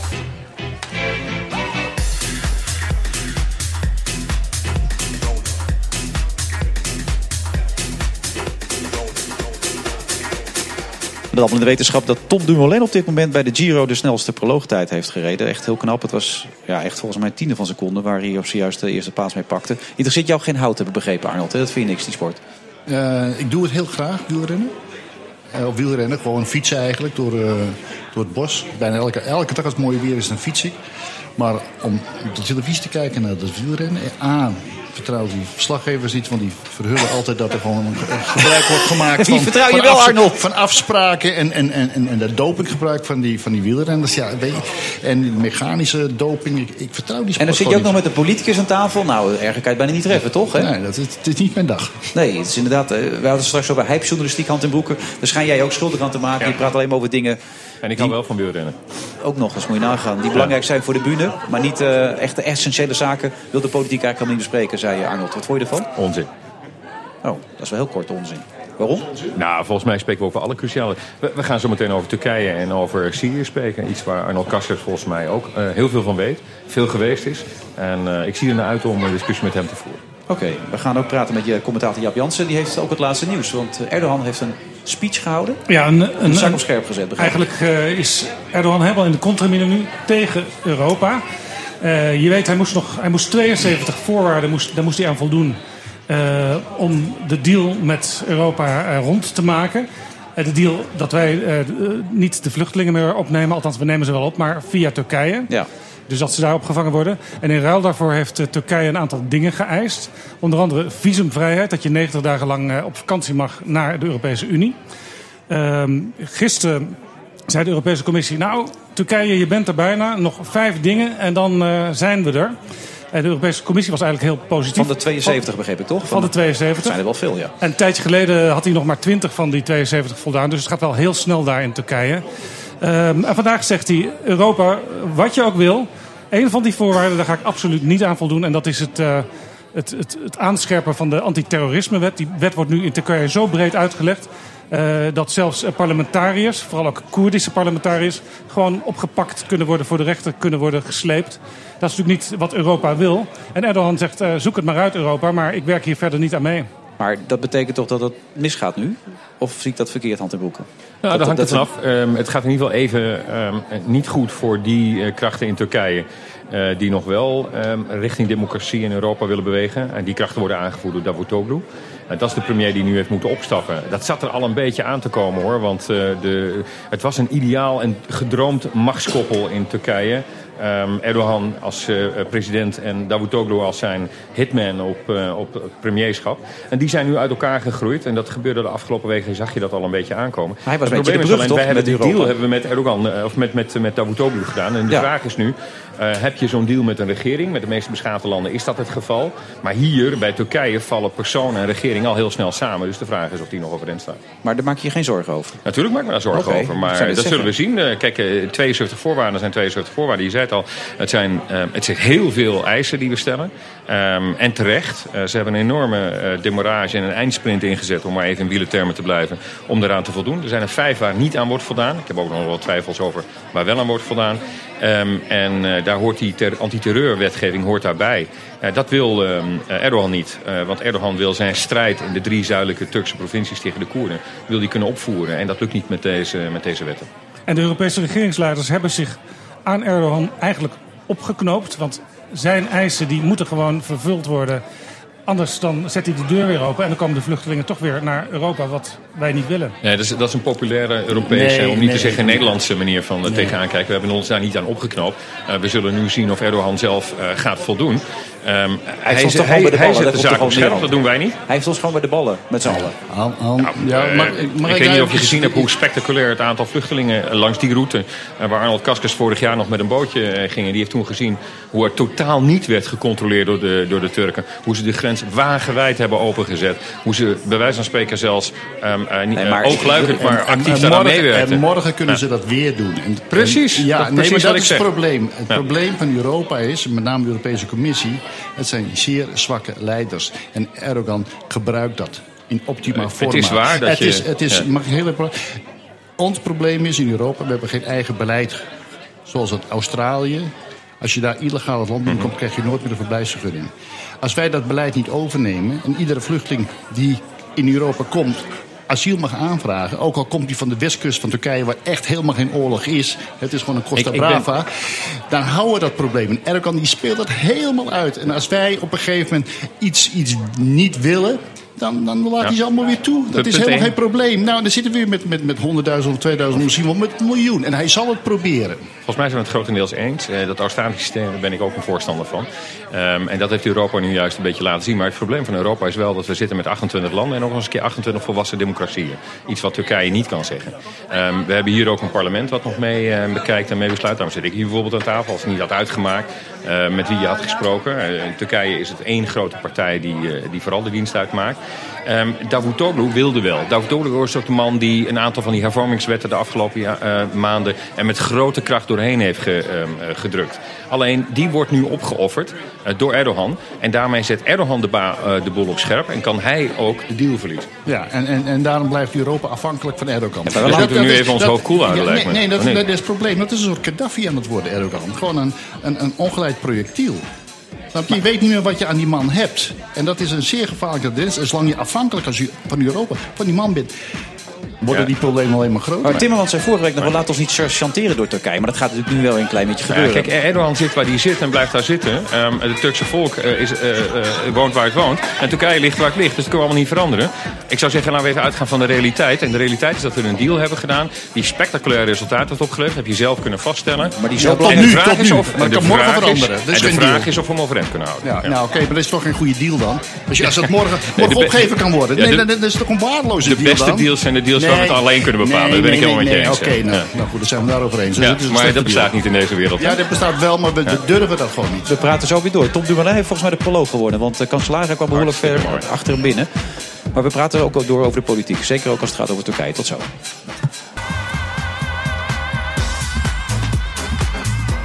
Van vrijdag eh, 6 mei. We zitten met Arnold Karskens, Hand en Broek en ook eh onze eigen Jaap Jansen nog steeds. Maar het ging een beetje mis. De heren gingen gewoon even door. En jullie waren het nog steeds niet eens tijdens de Ja, reclame. daar valt veel over te zeggen.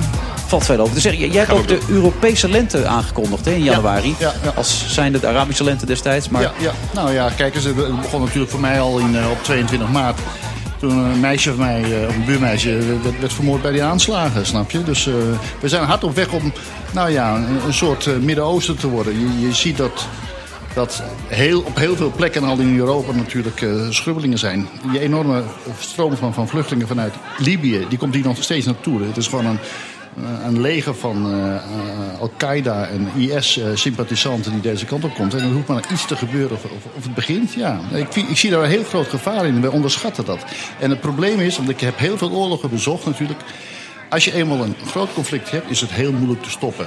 En wat we nu zien, door het zeer zwakke Europese beleid, is dat je die, nou ja, die potentiële terroristen nog steeds, eh, nou ja, in Brussel, eh, nog steeds, En steeds vind je, vind je, zoals, je zoals Erdogan deze situatie dan eh, aanpakt en hoe Europa ermee omgaat, vind je ook een voorbeeld van hoe slap het allemaal gaat? Ja, nou ja, kijk, Erdogan, weet je, je kunt hem bewonderen, want hij, hij heeft gewoon ballen wat dat betreft, weet je. En Europa is gewoon een, een slap kindje geworden. En, en als wij op een gegeven moment harder zouden optreden, dan, ik, weet, ik ken het Midden-Oosten, hebben ze respect voor je. Maar zolang Europese Unie nog een beetje, en zeker met, eh, met Juncker, hè, ik, ik weet in Brussel de verhalen over hem dat hij gewoon tegen 12 uur natuurlijk een beetje half zat is.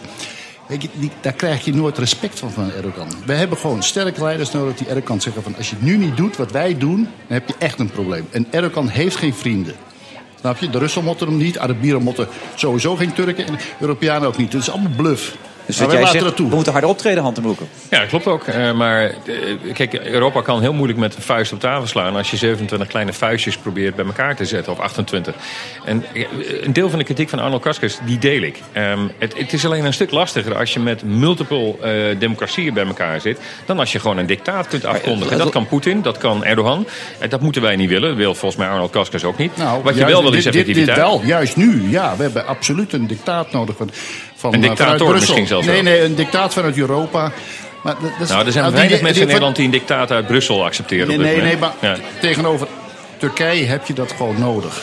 Eh, En anders lopen ze over je heen. Je ziet daarom moet je ook gewoon vasthouden aan die 72 eh, voorwaarden voor wat betreft de visumliberalisatie. En ben ik inderdaad wel met je eens. Kijk, dit soort deals die we gedaan hebben, die moet je het liefst doen op het moment dat je zo sterk mogelijk bent. Ik heb ook kritiek op de timing waar Europa. Ik vind bijvoorbeeld dat we een soort gelijke deal zou je nu ook met Egypte moeten doen. Juist nu, juist nu Egypte wat zwak staat, Sisi wat zwak staat.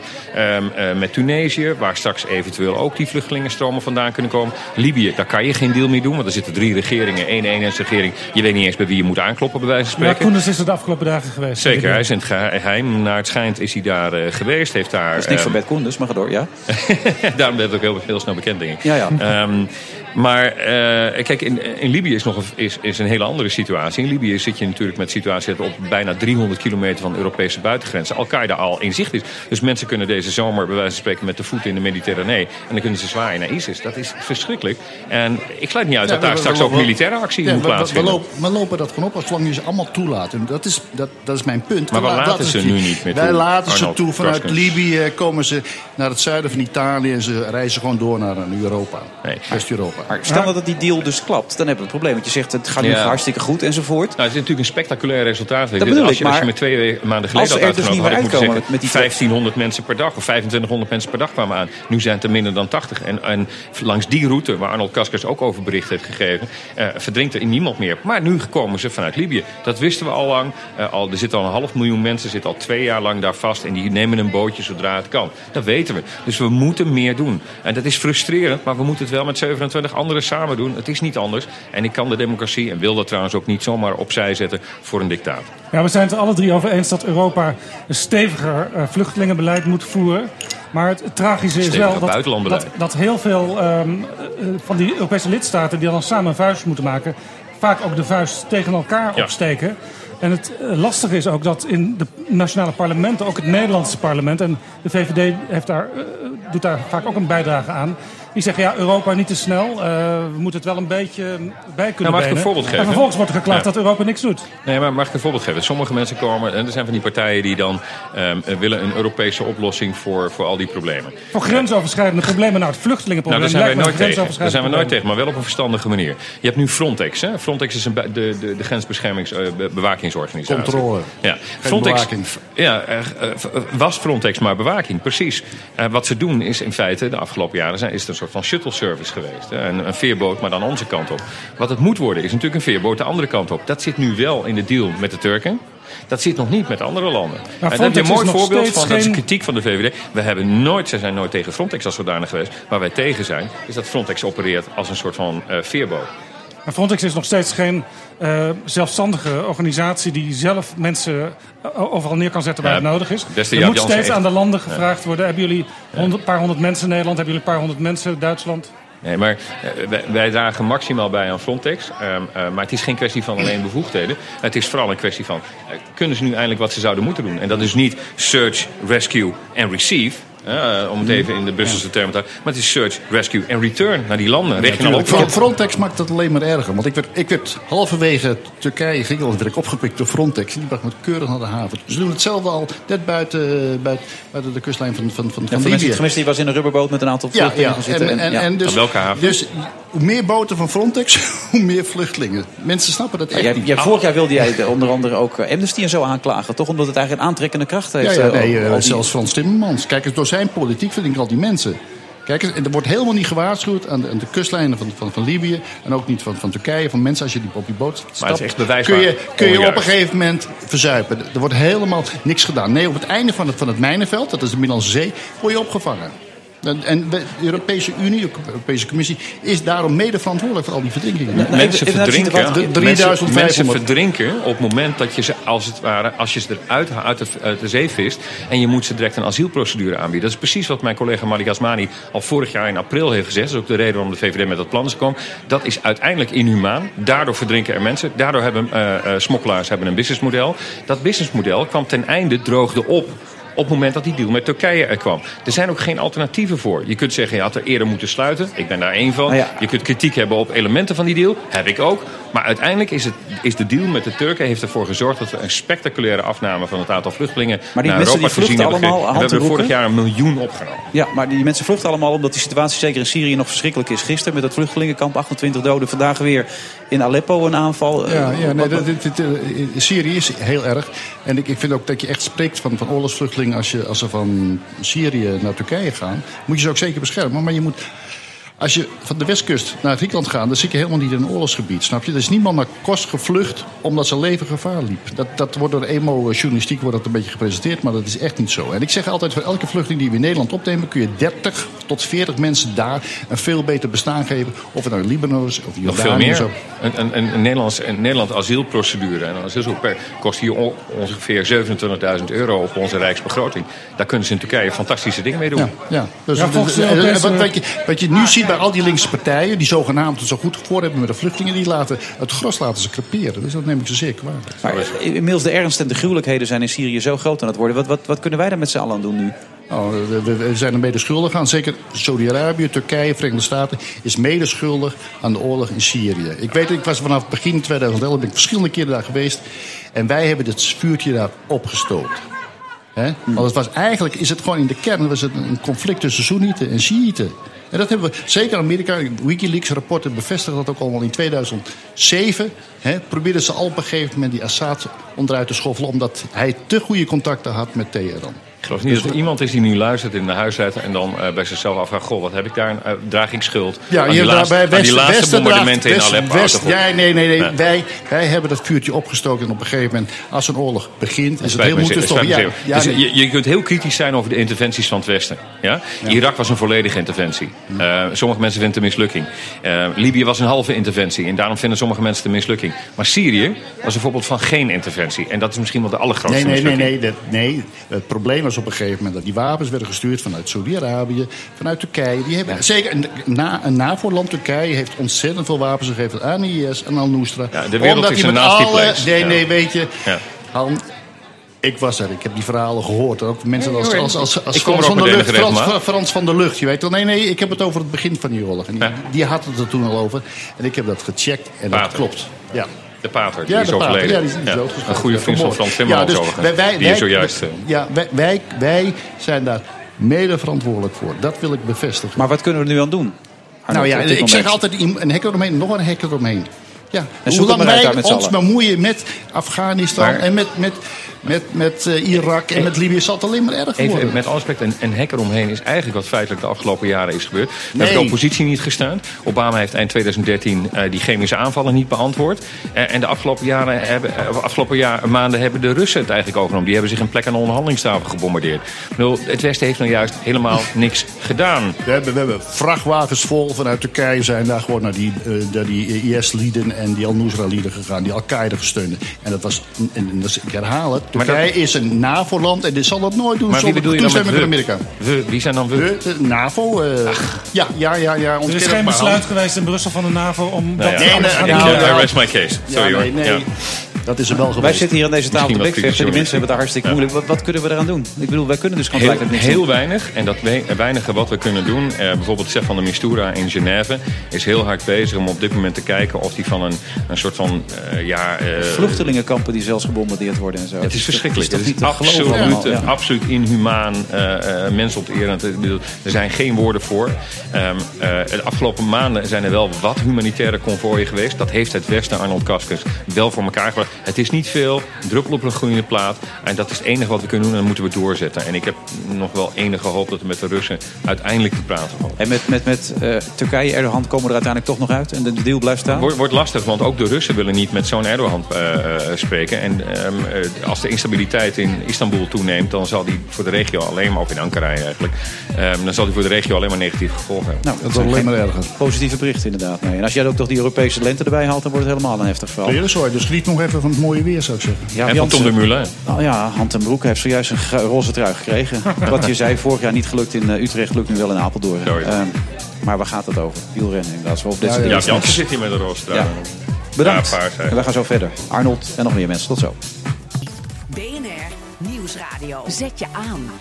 The Friday Move. Of ze gaan voor Hillary Clinton, of ze schrijven iemands anders naam op het stembiljet. Ik denk dat dit geheel in de spirit is van Anton en Gerard Philips. Dan kan je zeggen, ik wil daar een keer over praten. Wilfred Gené. Het is de dag dat de ronde van Italië van start gaat. En het eh, roze gepakt heeft. De weergoden ons goed gezind zijn. Minister Schultz heeft aangekondigd na deze kabinetsperiode niet terug te willen keren als minister. Hij zit er tot half zeven. Arnold Karskens.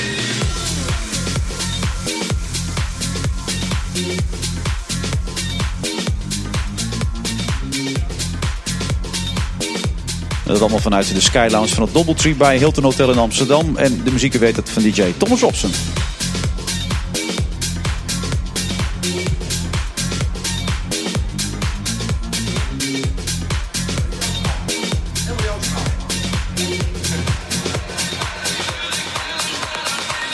En Alt Kastels gooit de ene bitterbal naar de andere naar binnen.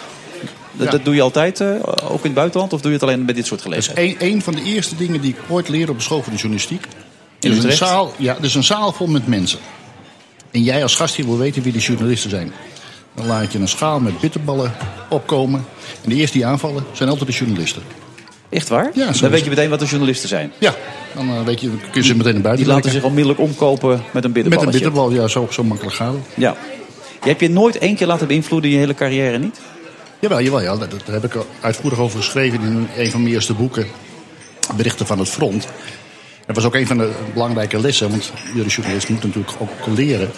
Ik was natuurlijk altijd een hele goede linkse jongen. Ik ben toen naar die oorlogsgebieden geweest in El Salvador, Guatemala. Waren hele, hele gevaarlijke gebieden. Ook met het idee van, nou, nu ga ik heel goed schrijven over de guerrilla, de linkse guerrilla. Want zo helpen ze het meeste. Ja. Maar het probleem met die linkse guerrilla, die was natuurlijk ontzettend verdeeld. En, eh, en met mijn verhalen zouden ze eigenlijk alleen... En, en door dat juist ook te camoufleren, die, die, die oneenigheid... eh, werd die oneenigheid alleen maar groter, snap je? En toen heb ik eigenlijk geleerd van door heel kritisch te zijn... ook op de mensen die, die je aan het hart ligt...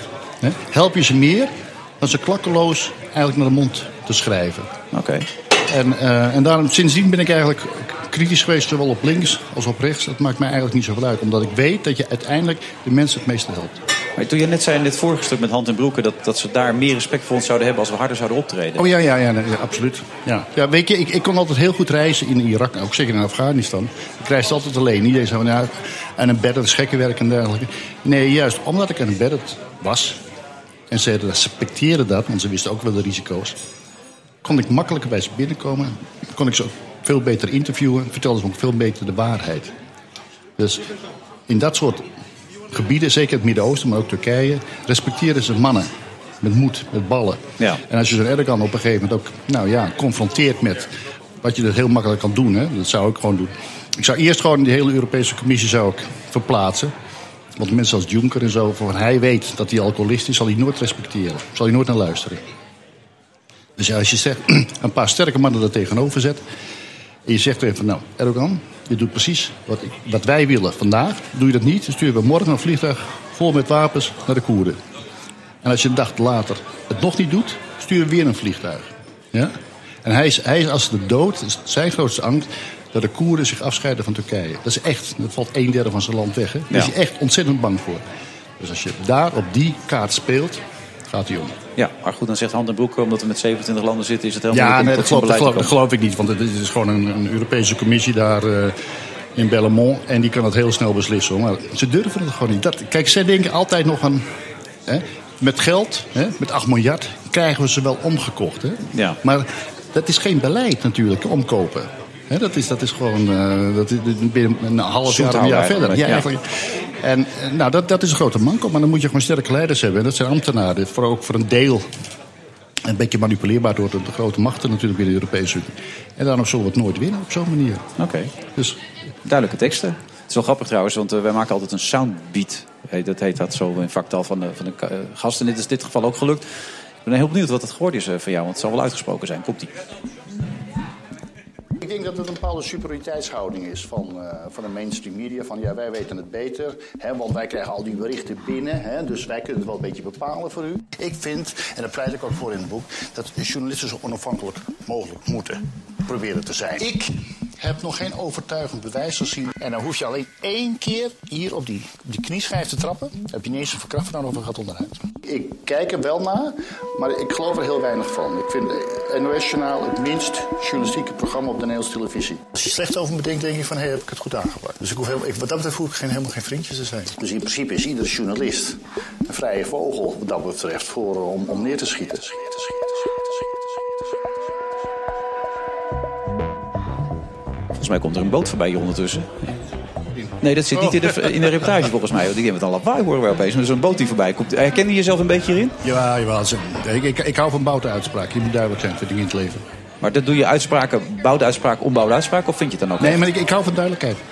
Het, het, het is, voor mij, zeker in de journalistiek, het is wit of zwart, het is ja of nee. Al dat kleurloze, dat grijze, dat, dat kennen we natuurlijk ook uh, van, van, van de Tweede Wereldoorlog. Maar dat soort mensen heb je niet. En zeker een journalist moet uitgesproken zijn. Die moet staan voor zijn zaak. Maar met de Tweede Wereldoorlog bedoel je mensen die wat meehielden allemaal enzovoort. Nou ja, En- die eigenlijk niks deden, snap je? Ja. Bedoel, eh, je, je, je kunt, die SS'ers die in, eh, in Rusland vochten, ja, ze hadden de verkeerde ideologie, maar ze, ze waren niet laf. Ze, ze kozen wel. Ja. En ik, ik vind dat je, als het echt toe doet, moet je kiezen. Of het nou de Europese Commissie is, of het is, of een journalist, dat maakt niet uit. Maar zoals de situatie die je net schrijft met die Europese lente, wat eraan zit te komen hier in Nederland enzovoort ook. Wat, wat zouden wij als Nederlanders nu moeten doen dan?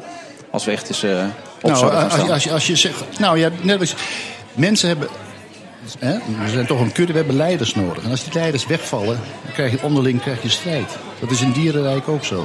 En daarom zeg ik ook steeds van, ja jongens, kie- kies de mensen die het echt, echt ons bij de hand Maar kunnen de nemen. Mark Rutters van deze wereld zullen dat nooit doen. Die kunnen dit niet. Eh, het is een ontzettend vriendelijke man. Maar hij slaat niet met zijn vuist op tafel. En in deze tijd hebben we dat gewoon nodig. En, en, en Maar lopen ze zo, Merkel ook. Je weet wel, die al die vluchtelingen toe. En, en die, je ziet gewoon van, nou, ik hoop dat ze me aardig vinden. Maar ja, zij begrijpt niet dat die mensen die hier naartoe komen... met een heel achter, ander idee hier eh, op een gegeven moment eh, willen gaan wonen. Die, die hebben helemaal geen gevoel, met, geen associatie met de vrijheden die we hier hebben verworven. Dat ik, ken, ook- ik ken het Midden-Oosten en dat is op een gegeven moment ook. Zij komen er hier eens willen een leider hebben. En als die niet is, nou ja, dan pakken ze zelf. eh, Maar dat zie je nu ook met Ebru Umar. Al die, hoe noemen zij? Klikturken noemen ze vandaag, toch? Of, Ja, eh, ja, nou ja, goed, dat, dat is weer, vind ik weer een beetje het nadeel van, van twee nationaliteiten. Van, ja, binnen Nederland of binnen Turk. Hè, en, en zolang Turk op een gegeven moment zeggen van ja, Erdogan is onze president. Nou ja, dan zijn we A, heel erg slecht bezig geweest met integratie. En die Turken die hebben ook niet gekozen. Dus dan moet je als Nederlandse staat moet je zeggen van nou, je, je mag hier best wonen. Dat vind ik helemaal, niet erg, want ik, ik woon zelf ook in, in, in België. Maar, maar kies er dan ook voor, 100%. En dan krijg je op een gegeven moment de hom- het homogene mengsel wat je nodig hebt om een, een Europa of een, een Nederland eh, goed te kunnen Je hebt besturen. het laatst nog uitgebreid geïnterviewd. Heb je nog contact de laatste tijd ook met haar gehad? eh, Met Ebru Omar? Ja, ja we, we- we hebben nog steeds contact. Ja. Hoe gaat het met haar? Nou ja, kijk, ze houdt zich ontzettend sterk. En ze- zij is. Nou ja, ze voelt zich gesteund door de, super, eh, de, de support vanuit Nederland. En dat heeft ze ook ontze- ontzettend hard nodig. Ze staat er toch in de rugby. En is, het is gewoon niet makkelijk voor een. eh, nou ja, voor überhaupt. Het zou voor mij ook al niet makkelijk zijn als je natuurlijk al die shit over je heen krijgt. Maar ik vind dat wel, eh, en daarom staat ze ook in mijn boek Journalistenkoop. Ik vind haar wel een voorvechter.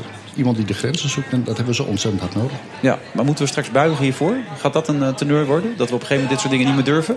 Nou, als we, als we niet oppassen, dan zien we geleidelijk dat we steeds minder kritiek durven uiten. Of het nou naar het Midden-Oosten is, of naar de islam, of, of, naar, eh, of naar een regering. En dat is een heel gevaarlijke tendens. Want ik, ik, ik ken de wereld en ik vind juist de grote verworvenheid van Europa, met name Nederland, is dat we kunnen zeggen wat we willen zonder dat we in elkaar worden geslagen. Maar, maar, maar steun je dan het gedachtegoed van de PVV, van Geert Wilders? Nee, ik, ik steun ook het gedachtegoed van de, de SP, wat het aan zich maakt. Die zich ook hard voor vrijheid van meningsuiting, snap je? Ja. Dus wat dat betreft kies ik geen, geen politieke kleur. Maar ik steun wel iedereen die zegt van... wij moeten gewoon zorgen dat we de verworvenheden die we hebben... Die, daar moet je van knokken. Je moet echt vechten voor je vrijheid. Dat heb ik zo vaak gezien in al die conflictlanden. Waar op een gegeven moment mensen met, of met de wapens... of met de grote smoelen de macht grepen. En iedereen die daar een beetje... Nou, de christelijke minderheden, met name dan in het Midden-Oosten... die werden daar natuurlijk van. Dus die aanslag in Brussel, die je ook al voorspeld had... is pas een voorbode voor veel meer van dit soort ellende. Ja, er zijn er honderden, zo niet duizenden. Met, met nog een enorm groot reservoir van, van sympathisanten. En als we daar niks aan doen, dus door die mensen weg te sturen... halen we hier de oorlog binnen. En je hoeft me niks te vertellen over een oorlog, want ik heb er een paar nog in gezeten. Ik heb ook bij het begin van die oorlogen gezeten, ook in het Midden-Oosten... ook in Latijns-Amerika en ook in Afrika. Daar moet je gewoon hele sterke leiders voor hebben, anders wordt het gewoon een klerenzooi. En het probleem nu in Europa is dat die ontbreken. Duidelijke taal. Arnold Kastens. We gaan het zo meteen over het Songfestival hebben. Dus even een heel ander onderwerp. Met Erik van Tijn. Tot zo.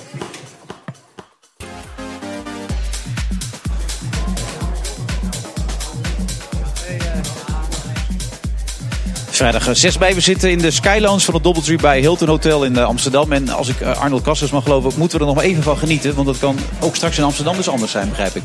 Ja, eh, dat kan natuurlijk wel. Er is niet zoveel voor nodig om hier een terroristische aanslag te plegen. Wij- Wij denken dat, van, ja, dat gebeurt alleen maar in Parijs of in Brussel of eh, weet ik wat in Beirut. Maar eh, hier gaat het ook gebeuren. Dat op zeker. Ja, ja, dat is natuurlijk. Tussen nu en pak een beetje een jaar. Binnen nou, ja, ja, eh, eh, eh, wanneer, dat, dat, dat is natuurlijk... Nee, maar omdat je dat andere ook al op hele korte termijn aan voelde nee, komen. maar kijk eens, zoeken, terroristen zijn natuurlijk ook gewoon hele praktische mensen. Die kijken toch naar de minste weerstand. Nou, eh, je kunt of in Den Haag, of in Rotterdam, of in Amsterdam... kun je heel makkelijk een aanslag plegen. Daar heb je een paar mensen voor nodig. Ja. Je schiet gewoon het hele, een halve Kalverstraat leeg. Met wat voor gevoel sta je elke dag op eigenlijk dan, als je dit soort dingen Nou ja, ik bedoel, ik sta, ik sta nog steeds blij op hoor. Ik kan nog steeds genieten van het mooie weer. Maar ik, ik realiseer me dat Nee, wel. je hebt kinderen, je woont, ik bedoel... Ja. eh, nou ja, het enige wat die, die, dus bij die aanslag in Brussel kwam het wel dichtbij, want dat is precies de metrolijn die ik ook neem. En ja, we zaten, wij zaten die ochtend samen toevallig bij eh Ja. Wakker Nederland op Ja, dat moment. ja. En- Toen, dat- toen, toen dat gebeurde. Toen dacht ik op een gegeven moment ook: van stel je voor nou dat ik in Brussel was geweest. Hè? Ik had het gehoord in Zaventem. Dan had ik die metrotrein daar naartoe genomen. Had ik op diezelfde metrolijn gestapt om naar het Centraal Station te gaan.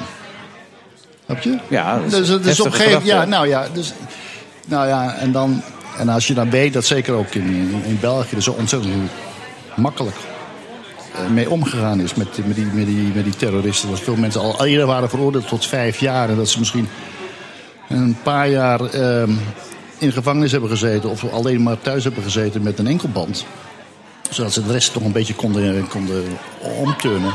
Nou ja, dan laat zien dat we eigenlijk heel lang laks eigenlijk zijn ge- geweest met de levens van, eh, van hele onschuldige burgers. Erik van Tijn, je gaat het over het Songfestival hebben. Ja, maar ik was, was toch benieuwd, want hij heeft een heel goed verhaal, heel interessant. Maar ik was daar wel benieuwd, voel jij je dan wel veilig thuis? Ja, ja, ja. ja ik, ik ben niet bang. Nee, ik ben ook niet bang, maar af en toe denk ik wel eens, zeker na wat er in Brussel is gebeurd of zo, dat je denkt, nou oké, precies wat je zegt, dat gaat hier ook gebeuren een keer. Ja. En dan voel ik me niet meteen onveilig, maar jij zit er veel dieper in dan ik natuurlijk. Nou ja, je ziet natuurlijk veel meer dingen. Ja. Ja, omdat je weet waar, hoe het een beetje kan gebeuren. Net zo goed als een politieagent natuurlijk ook overal een crimineel ziet lopen. Zie ik Ja. natuurlijk heel makkelijk een, een Ja, ja, ja. terrorist lopen. En eh, nou ja... eh, Wacht het even, je ziet, een terror- je ziet een terrorist lopen? Nou ja, je, je ziet op een gegeven moment mensen die voldoen aan Ja, een bepaald profiel. Hè. En ehm, nou ja, goed. eh, ik, ik, ik kijk wel uit als ik in de metro stap. Ja. Bij zo'n Songfestival, ja, dat is een heel, hele, hele slechte brug, dat weet ik ook wel. Maar ook dat zou iets kunnen zijn om daar iets eh, uit te halen natuurlijk. eh, Nou waar ja, heel Europa naar te kijken. ze zoeken altijd dingen uit die op een gegeven moment veel in de publiciteit staan. Of het nou de Eiffeltoren is of een Songfestival. Nou ja, er kijken 200 miljoen mensen naar of zoiets. Dus dat is een, eigenlijk een hele ideale gelegenheid. Als zou je alleen maar de- Ja, maar nee, is- maar het is natuurlijk een beetje een pijnlijke conclusie. Maar Ja. het, het, het is wel zo. Ja. Een tijdje geleden had je in Nederland de Passion. En dan stond ik op het podium. Toen hebben we van tevoren ook even gedacht. Het was vlak na, twee was- dagen na. na in Amersfoort toen inderdaad, ja. Toen hebben we ook even gedacht, gaat dat hier wel goed? Nou, de beveiliging was optimaal. Dus natuurlijk is het goed gegaan. Maar dan denk je toch wel even na van oké, wat dan nu? Want hier staan zo straks 20.000 man buiten of zo. Nou, moet, moet ik wel zeggen dat sommige van die optredens eigenlijk een vorm van terrorisme is. Maar je ook niet als je daar naar zit te kijken. Dat, als jij eerlijk bent, toch? Bij de vind ik Nee, nee, niet. ik bedoel echt met het Songfestival. Oh, hè. als, je daar, als je daar sommige dingen Ja, ziet, zeker. alhoewel bij de Nou, het Passion wordt wel wel minder. Het wordt wel, wordt ja, minder, vind je wel dat de kwaliteit weer een beetje... Wordt beter, ja. Het, wordt, minder eh, terrorisme qua muziek, ja. Vind ik wel. is wel een tijdje zo geweest. Dat je echt Ja, dacht, dit kan natuurlijk niet. Dit is gewoon een misdaad en tegen de mensheid wat nu Ja, plaatsvindt. er zijn ook mensen die namen het niet serieus. En die dachten, we gaan gewoon... Dat waren die Russische omaatjes, wat natuurlijk helemaal nergens op sloeg. We sturen zes omaatjes, die gaan een beetje hopsen. En dat is dan ja, een liedje of zo. hè. Dat, dat Ja. vond ik wel irritant. Want ik heb ook ooit meegedaan. En ik ben heel fanatiek en ik wil dan een heel goed liedje schrijven. En dan hoop ik dat ik zo hoog mogelijk kom. En, en dat soort dingen. Top 10 toch een keer? Ja, twee keer. Maar dat maakt niet zoveel uit. Maar ik heb niet gewonnen. Niet te vals bescheiden Zesde nou, hè? en vierde plaats dan. Zou ik Oké. zeggen, ja. Ja, oké. maar dat, dat doet er niet zoveel toe. Maar het is meer van dat je dan denkt, neem het nou serieus of doe niet mee. Ja. En, en nemen ze dit jaar een beetje serieus? Heb je een paar gehoord waarvan je denkt, dat is wat? Ja, er zijn een paar hele goede. zonder meteen aan onze eigen Douwe Bob voorbij te gaan. Ehm, Ga je dat wel doen, begrijp ik? Ja, Ja. toch eigenlijk wel. Want ik vrees niet dat hij eh, de top 10 gaat halen. Maar bijvoorbeeld Frankrijk. Waanzinnig goed liedje. Echt. En, en, en Rusland ook. Ja, en wat je aan, aan die landen ziet. En vooral dan die, die, die goede Oostbloklanden. Goed qua investeren in zo'n Ja. act. Ja, als je die act ziet van Rusland. Dat is ongelooflijk. En lijkt een beetje vergelijkbaar met Zweden vorig jaar. Dat is natuurlijk ook ongelooflijk. En daar kunnen wij nooit aan tippen. Tenzij we het een keer echt proberen. En ik hoop dat... Nou, Douwe heeft dus een hele goede truc. Want ik weet niet of je dat Die gehoord 10 hebt. seconden bedoel Die je? 10 seconden. Ja, dat vind je een goede truc. Nou, je krijgt wel aandacht. Kijk, Ja, als je 10 gewoon... seconden. Hij gaat 10 seconden niks doen. Ja, hij heeft een het liedje en het gaat over slow down. Je moet rustig aan doen in je leven en een beetje niet je laten opfokken. Ook bijvoorbeeld door het circus van het Songfestival. Best een goede boodschap daar. En er zit al een soort rust in, maar die is veel korter. Die is, laten we zeggen, een paar tellen.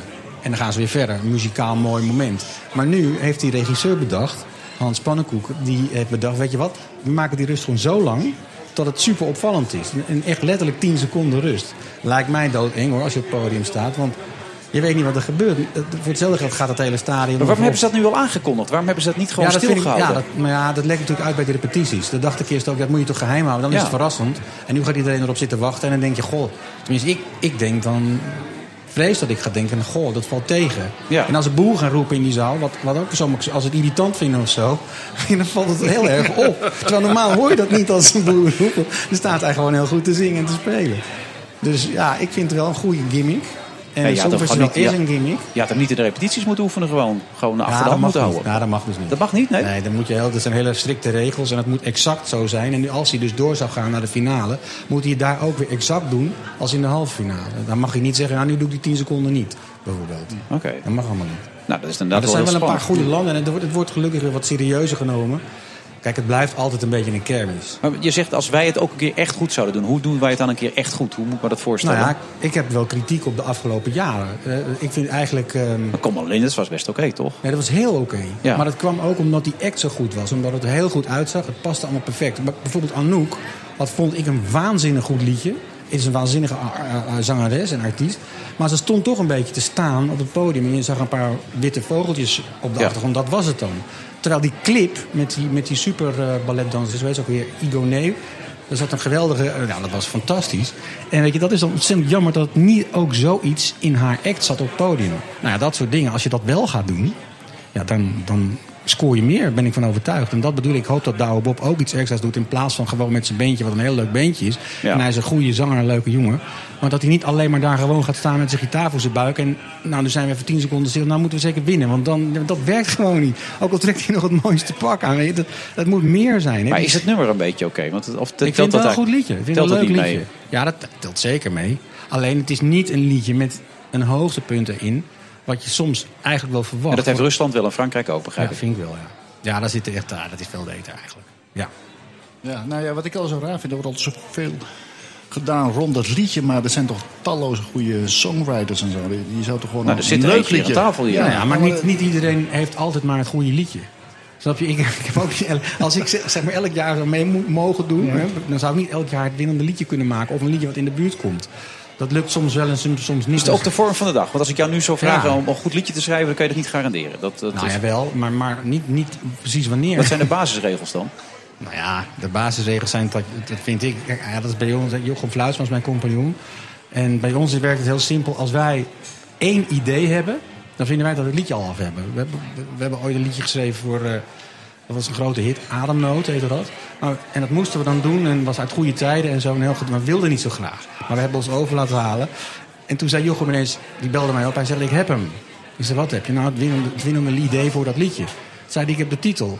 Ik zei, wat is het dan? Een ademnood. En toen, moest ik ook denken aan die drie meisjes, die drie actrices, met onder andere Katja. Ja. Ja, ik wist meteen, oké, we hebben hem, maar we hadden nog niks, alleen maar één woord. maar als je dat hebt en je hebt dan ook de inspiratie die zo'n artiestje kan opleveren, dan schrijf je wel een goed liedje. Zo Maar als je dat verhaal nu met Van Arnold een beetje hoort... over de, de ellende van de wereld enzovoort... en dat neem je mee, daar zou je een nummer over kunnen maken dan. Ja, Dat zou wel heftig worden, dat nummer Dat zou, ja, maar dat, misschien moet dat ook wel. misschien het moet iemand tijd, dat wel doen. Ja. Dat, dat, dat, dat, dat op, een- op, maar dat is, kijk, het moet op een poëtische manier. Snap je? Je moet dan niet Europese lente heeft hij over geschreven. Dus dat zou je kunnen doen. In Nou ja, plaats van de maar- Arabische lente, de Europese lente. Maar, je, zegt- maar het moet toch poëtisch verwoord worden. En, en, en het moet niet te kritisch zijn. Snap je? Je mag wel dingen aanstippen of zoiets. Want anders gaan ze zeggen, ja, weet je, dat serieuze gedoe. Dat was vorig jaar ook in een liedje, volgens mij Servië of zo. Die gingen zingen over ooit wat er gebeurd was. Zijn, nou, iets, iets, iets heftigs Is dat ook in het probleem? Dat het nergens over gaat? het Nee, het Eurovisie mag wel nergens over gaan, maar het moet natuurlijk niet te diep, want het is ook vermaak. Het is gewoon entertainment. Het is natuurlijk een heel leuk entertainmentprogramma. En ik zit ook te lachen als een heel slecht artiest is. Dan zit ik te genieten voor de buis. Maar het gaat mij uiteindelijk om de goede. Het- Ik denk dat je een goede balans moet vinden tussen een heel mooi liedje met een hele goede tekst, waar toch die boodschap in zit. Dat is. Maar moeten we anders toch een keer de zaak omkopen dan? Ik begreep de Ja, toppers. zeggen, dat schijnt te kunnen. De toppers, hè, die waren. Ja. Nou, als je met dat nummer had gewonnen, dan had je wel heel veel moeten betalen. had ik het idee. dat was een Dat astronomische bedrag serieus geweest. genomen, want het was niet zo'n heel sterk liedje. Nee. Maar is, is dat dan de enige optie dat wij ooit nog een keer wat gaan Nee, winnen? de optie is gewoon doorgaan op, de, op deze weg. We hebben serieuze artiesten die het doen. Hè, mensen van niveau. Ja. Zonder nou meteen ook te willen afkraken. Maar je moet je grootste artiesten sturen als het even kan. Dus Anouk en nou... eh, Wie dat zou je nog graag de, de komende jaren zien dan, van onze artiesten? Van ons? Nou ja, er zijn er zat. Maar noem er eens twee, die jij graag zou zien gaan. Ik zou eigenlijk Marco uh, Borsato wel willen zien doen. Ja, toch wel, ja. Nou ja, hij weet hoe je een zaal van 20.000 man of nog meer bespeelt. Ja. hij doet dat regelmatig en die hele zaal, iedereen wordt altijd gek als hij dat doet. Misschien wordt het in Europa ook wel. Het is natuurlijk wel iemand met ongelofelijke uitstraling. Om maar eens iemand te noemen. Maar En, en weet je er nog eentje zo snel?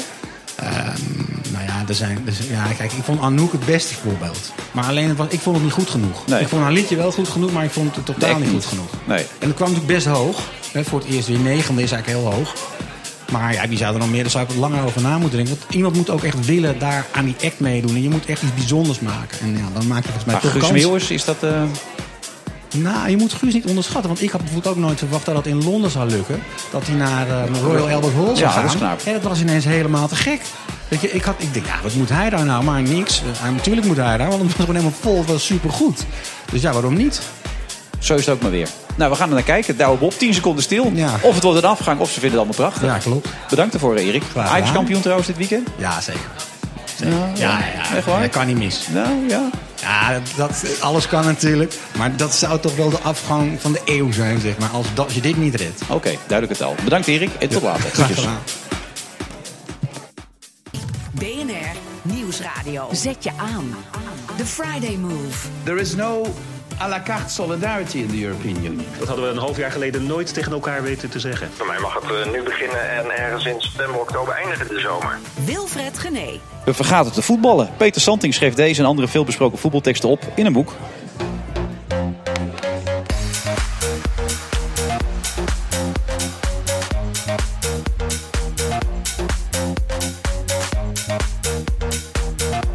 Het laatste half uur van de Friday Move vanuit de Sky Lounge van de Doubletree bij Hilton Hotel in Amsterdam. De beats zijn van DJ Thomas Robson.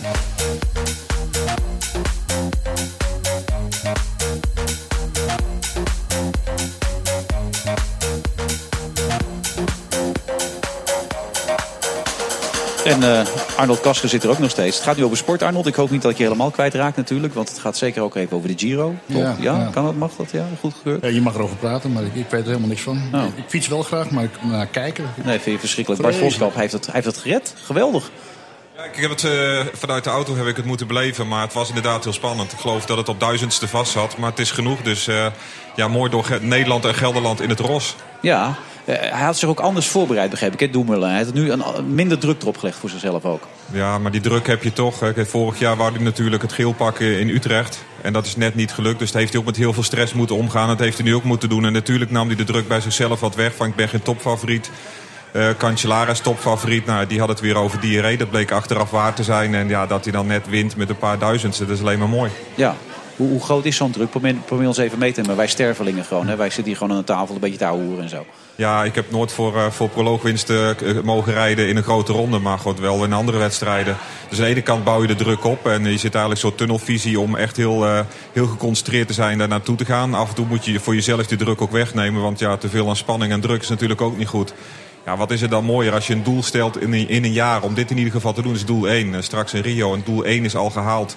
Ja, en dan met een paar duizendste. Dus ja, dan gaat de Ja, champagne en ik wel even begrijp dat die tijdrit van volgende week eigenlijk hem nog veel beter ligt. Er zit er meer gloeiing in, Ja, die is, die is even wat langer en die is wat glooiender. Dus eh, hij had zich eigenlijk al een beetje ingedekt van... Nou, als dat deze dan niet lukt, dan ga ik echt voor die tweede tijdrit. Maar goed, nou deze al is En dat gelukt. roze. En hij wilde er zo dicht mogelijk bij blijven. Dus nu, nu wil hij hem vasthouden, neem ik aan, tot volgende week. Of... Ja, die kans zit er natuurlijk wel in. Eh, De eerste dagen hebben we natuurlijk de sprints. Dus andere ploegen zullen ook zeker meehelpen om het tot een sprint te laten komen. Dus het klassement zal niet eh, heel spannend veranderen.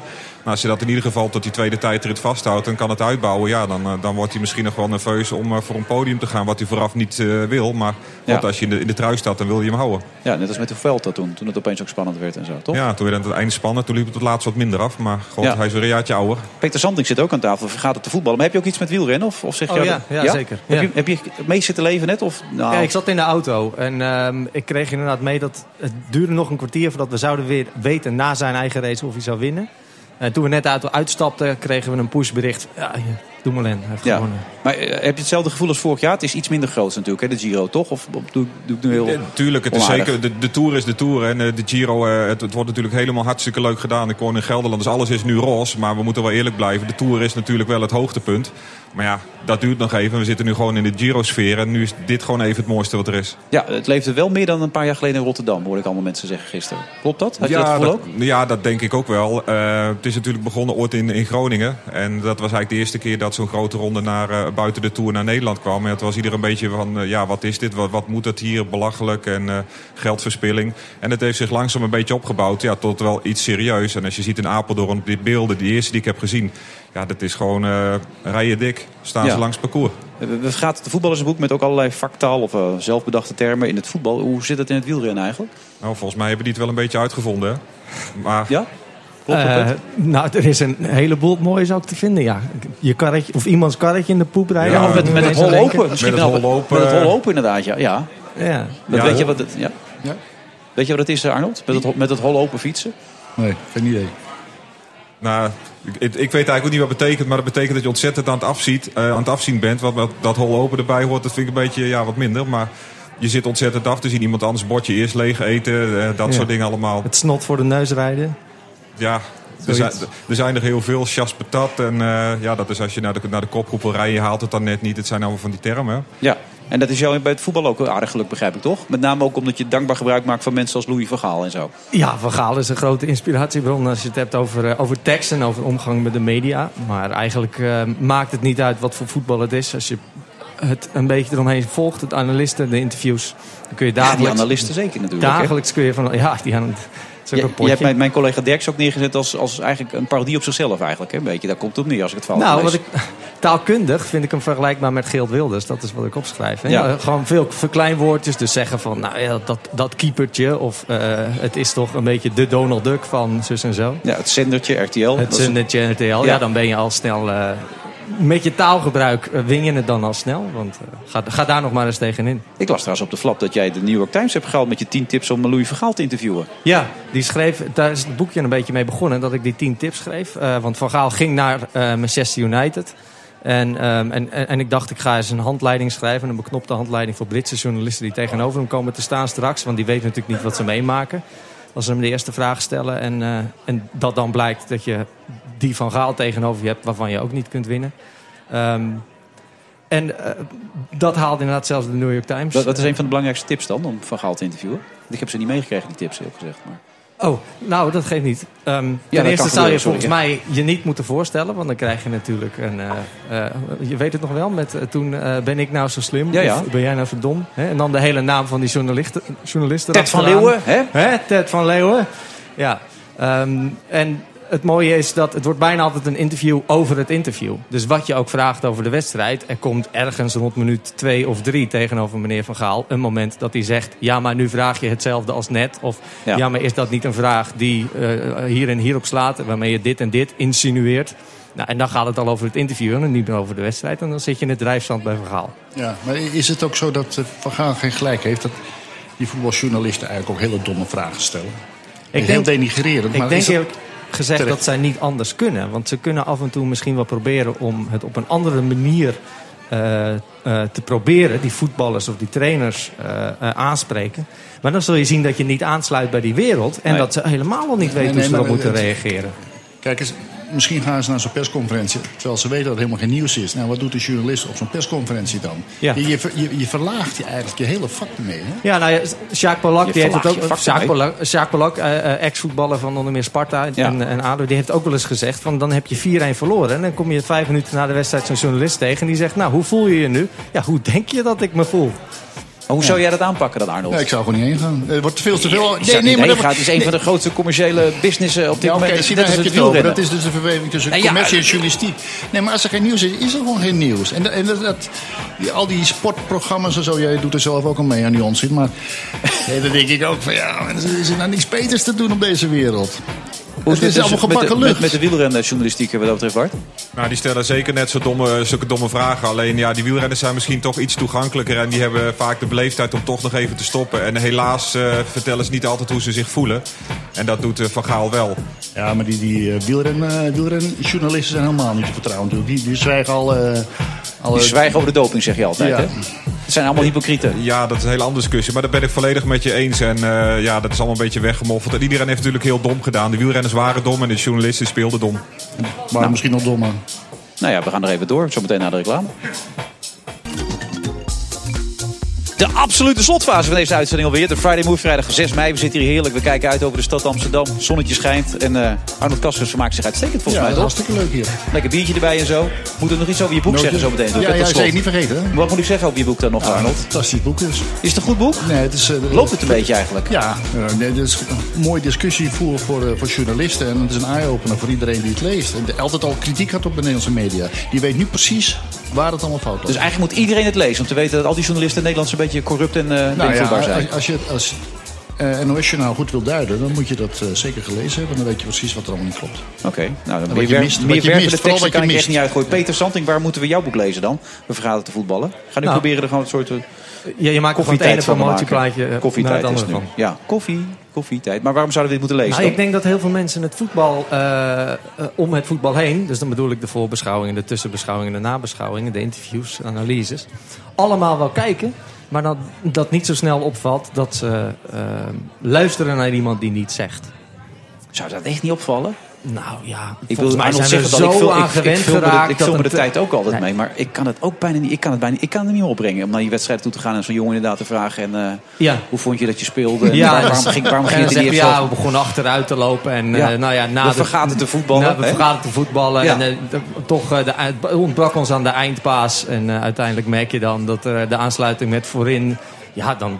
Ja, en gaat, die bal, gaat die bal er wel in, dan sta je gewoon met 1-0 voor. En is die Ja, wedstrijd gewoon, loopt heel anders. Het loopt gewoon echt heel anders, die wedstrijd. Ja. Maar ik ging er niet in, dus ja, dan krijg je toch een situatie dat op een gegeven moment...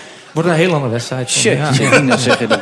Maar de, de, de wielrenners, wat dat betreft, Bart, heb je al die zijn wel wat opener. Daar komt nog wel iets meer uit. En dan kun je ook nog eens een keertje mee, mee dollen. Dat mag met voetballers ook niet meer. Dollen mag niet meer, hè? Maar ja, nou goed, ik ben niet in het voetballen thuis, maar dat is natuurlijk wel heel jammer. Het komt natuurlijk vaak, eh, ik ben als leek, sommigen zijn heel spontaan voor, eh, voor, de, voor het interview en die willen graag nog wel hun woorden kwijt. Maar de, de wat, wat ouderen die hebben zoiets van, ja, wat kom jij hier doen? Inderdaad, ik loop zo, liefst zo snel mogelijk door en in, in de loop een antwoord geven. Ik vind het niet echt, eh, niet echt netjes. Je wordt allemaal toch eh, goed betaald om, eh, om dat soort dingen ook erbij te doen. Maar als je het over de hebt, zo'n Bram Tankink is nog, nog steeds toch heel leuk om naar te luisteren. Tuurlijk. Hè, dat gaat over fietsen. Die heb ik toeval- toevallig denk dat we zelf het interview hebben gezien. En dat, dat staat met een lach erbij. En die wil ook graag een verhaaltje kwijt. En het is natuurlijk een wederzijds belang. Dat de publiciteit op zo'n ploeg ook wordt eh, genomen. En dat, dat, dat vergeet misschien eh, die andere tak van sport een beetje. Nou, we hebben jarenlang natuurlijk Tour de Jour gedaan. Maar we, daar, daar kon je nog wel wat maken met die jongens. Ja, ik dan niet zelf, want ik zat Nou, volgens mij het eerste, het eerste op jaar ook niet zo. Hè? Toen konden ze ook niet zoveel hebben van jullie. Nee, ze waren ze boos. Een paar keer in de, maar dat waren de leukste uitzendingen. op de als, zwarte eh, lijst gezet. Ja. ja. ja, en ik kan me ook nog een ploegleider herinneren die me een paar keer gebeld heeft. Die was zo kwaad. Maar goed, dat maakt allemaal niet uit. Dat hoort er ook een klein beetje bij. Ik, ben, ik kan ook nog wel vervelend zijn, Arnold. Ja, nou ja. In, in de- bij, bij de oorverslaggeving is eigenlijk een hele makkelijke manier van, van, van verslaan natuurlijk. Want De een schiet en de ander schiet terug, dus je kunt makkelijk eh, al gauw Dus 500 redelijk lijnen. Maar het probleem was altijd van als er dan niks gebeurde. En toen zeiden we tegen elkaar, nu herken je de goede journalist. Er gebeurt niks en je hebt toch een verhaal. En je ziet vaak bij Maar wacht nou, even, je zegt net- sportverslaggevers, die redden dan nog om toch nog een 500 woorden vol te lullen. Ja, maar je zou net zeggen, maar dan deed je ook niks als er geen nieuws was? Of deed je dan ook nog wel gewoon je werk? Want Nee, je zegt net nou dat al die sportjournalisten gewoon niet naar zo'n persconferentie moeten gaan. Maar die Nee, moeten nee, gewoon om- die omdat, ze, omdat er gewoon niks gezegd wordt en ze schrijven toch een hele pagina vol. Dat vind ik heel erg knap. Maar het, het zegt dus niks eigenlijk. Het heeft, heeft, heeft geen inhoud. Maar als er niks gebeurt, ik, toch zo wordt. eh, Ik, ik wordt- verdien er al jaren mijn brood mee. ik Ja, daarom, nou, dat vind ik vrijdagavond. Dat gaat echt Ik- anderhalf uur over niks. Maar dat, dat zeggen we dan ook steeds. dat het over niks ja, gaat. Het is gewoon een grote bijzaak is het zijn. Ja. Trouwens, even over het Nederlands wielrennen gesproken. Gaan we een prachtig jaar mee maken dit jaar? Gaan er hele mooie dingen gebeuren, Bart? Nou, we hebben volgens mij mooie dingen gezien. Hè? Met eh Poels die Luik Ja, Bastenaken bedoel Luik ik wint. Dumoulin die eh, in de roze trui in Nederland eh, rondfietst. Dus het begin Nee, is... ik bedoel ook, wij hebben dit jaar dus geen uitzending. Ik begrijp er niks van Tour de Jour. Maar zouden die Tour ook wel niet als hele mooie dingen kunnen gaan gebeuren? Of? Ja, dat is jammer dat de slag dan gemist wordt inderdaad. Vertel mij wat zeg. Ik ben er helemaal gek van geworden. Maar goed, dat, dat geldt terzijde. Maar, Maar dat wordt wordt het niet meer bijgedraaid dan? nee, ik denk niet dat ze dit jaar dat nog gaan bijdragen. Ze willen volgend jaar weer een uitzending gaan. Maar is dat mogelijk dat 2016 echt een jaar voor het Nederlandse wielrennen gaat worden? Ik denk het wel. Eh, het is vaak ook wel aanstekelijk. We hebben het ook wel in de jaren negentig meegemaakt... dat er eh, jaren gewoon helemaal niet meer gepresteerd werd. En op een gegeven moment ja, stonden ze er toch weer. En het was wel zoiets, als de een het kan, dan kan de ander het ook. Het motiveert ook wel om eh, ja, renners van jouw leeftijd te zien scoren. Dat je denkt, god, dat zou ik ook in me moeten hebben. En dan krijg je wel een soort winning mood. En eh, dan gaat het, de, de angst ook wel een beetje weg. En dan, wordt, dan moet er ook lef getoond worden. Maar namen, eh, rugnummers, dat soort dingen allemaal voor deze zomer? Ik ben er al even uit hoor, maar eh, ja, de geëikte namen zoals Poels en Dumoulin, die hebben het nu gedaan. Maar die gaan we natuurlijk wel vaker zien. Kijk, Geesink hoop je elk jaar op. Maar goed, laten we het daar even niet over hebben, want het levert druk op en dan komt het ook niet goed. We gunnen het hem van harte. Er zal van alles... Ja, dus- Mollema misschien. Ja, eh, maar Mollema die zal ook wel zich Kelderman laten is zien. nog niet klaar voor. Kelderman die kan nog groeien. Daar, daar, daar heb ik wel hoop in dat hij de, de komende jaar wel doorgroeit en, en, en wat kan laten zien. Maar laten ze die alsjeblieft een beetje vrij, want dan moet hij voor het klassement. En denk van laat de jongen eerst gewoon dingen zelf ontdekken. Want die heeft nog jaren de tijd om te presteren. Dus ja, het heeft met heel veel factoren te maken. Ja, dat heeft het zeker. Nou, dit is nou echt een heel goed sportantwoord. Hè. Het heeft met heel veel factoren te maken. Ja, toch? ja, ja, ja, dat ja. is er eentje, toch? Ja, maar een verschil vond ik wel toen ik naar je zat te luisteren. Dat, eh, eh, jij zegt veel over die wielrenners die wel iets verder kunnen kijken dan alleen morgen of volgende week of de eerstvolgende etappe. En dat is wel het voetballen. Het- Tenminste, dat zul jij herkennen ook wel, Wilfried. Ja. Het gaat altijd alleen maar over de volgende wedstrijd. Je hoort nooit van ja, het is, het is wel eh, belangrijk zondag, maar daarna hebben we. Nee, het is Nee, eh, maar dat mag niet, hè? Juventus volgende week, maar eerst hebben we woensdag Van de coach mogen we niet over deze wedstrijd heen kijken, wordt er dan gezegd. Wat vind je trouwens zelf het leukste veldje wat hierin staat? Want ik bedoel, ik, ik heb soms een moment dat ik echt iets leuks heb geschreven. Dan kan ik lachend de trap afkomen. Maar wat- bij welk stukje kwam jij lachend de trap af? Ja, het- toen ik wat dieper in dat door de ondergrens zakken dook, wie dat allemaal zegt en dat je daar, tenminste, het zal je bekend zijn toch, dat mensen, dat coaches dan zeggen, we zijn vandaag echt door de Ja. ondergrens gezakt. En het leuke daaraan is dat ze daar gradaties in aan aan het brengen zijn. Dus Peter Bos zegt dan, we zijn nog nooit zo door de ondergrens gezakt Ja. als vandaag.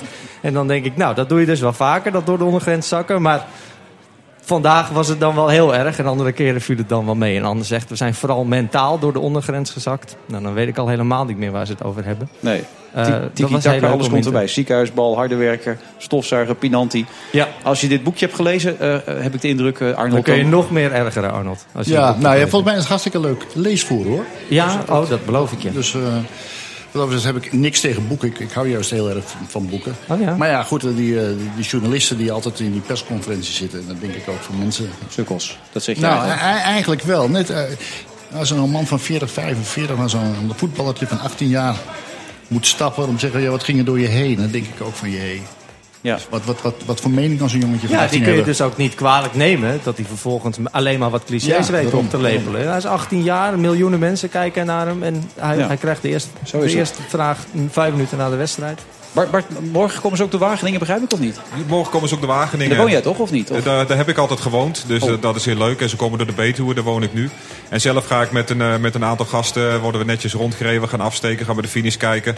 En eigenlijk is die wedstrijd helemaal niet zo belangrijk hoor. Het is gewoon de sfeer eromheen en dat is gewoon leuk. Mensen die kleden de hele straat eh, roze aan. Ze gaan Italiaans eten, scholen die gaan eh, fietsen. Hm. sporten. Dus dat- dat vind ik leuk. En die wedstrijd, eh, ja die uitslag komt er wel. Maar ik vind de sfeer gewoon leuk. Nou ja, de uitslag is er al, hè? Hij heeft het roze te pakken. Hartstikke mooi. Tom Dumoulin. Bart Voskamp bedankt. Dat zeg ik ook tegen Peter Santing. En natuurlijk ook tegen Arnold Kaskens.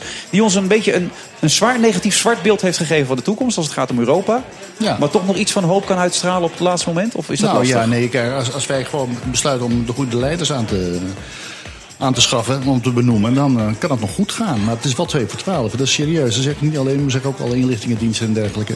We, staan gewoon voor een hele donkere periode. Als we niet snel ingrijpen, is het echt te laat. En al die journalisten zijn omkoopbaar, dus dat maakt het ook Nou ja, dat is, dat, nou, dat is het manko. Als je nou, ik woon in Brussel en als je al die journalisten ziet, ja, die worden af en toe een nieuwsbrokje toegeworpen. En dat eten ze dan op. Maar ja, er staat altijd iets tegenover dat ze dan ook niks negatiefs zeggen over de Europese Commissie of de Europese Unie. Anders krijgen ze het nieuwsbrokje niet meer. En dat is een beetje het, dilemma van de, van, de, van de journalistiek. Ze zijn niet onafhankelijk genoeg. Oké. Je bent duidelijk geweest, Arnold. Bedankt daarvoor. En succes met het boek ook. Ja, merci. Ja, hebben we genoemd toch het boek? Dat je, je had een boek toch? Of niet? Ja, ja, ja. Dat was jij. Nee, ja. Dat ik het wel even weer weet dat jij een boek had. Oké, bedankt Arnold. Dat zeg ik ook tegen u voor het luisteren. Volgende week zijn we er weer met een nieuwe aflevering van The Friday Move. Tot dan. There is no à la carte solidarity in the European Union.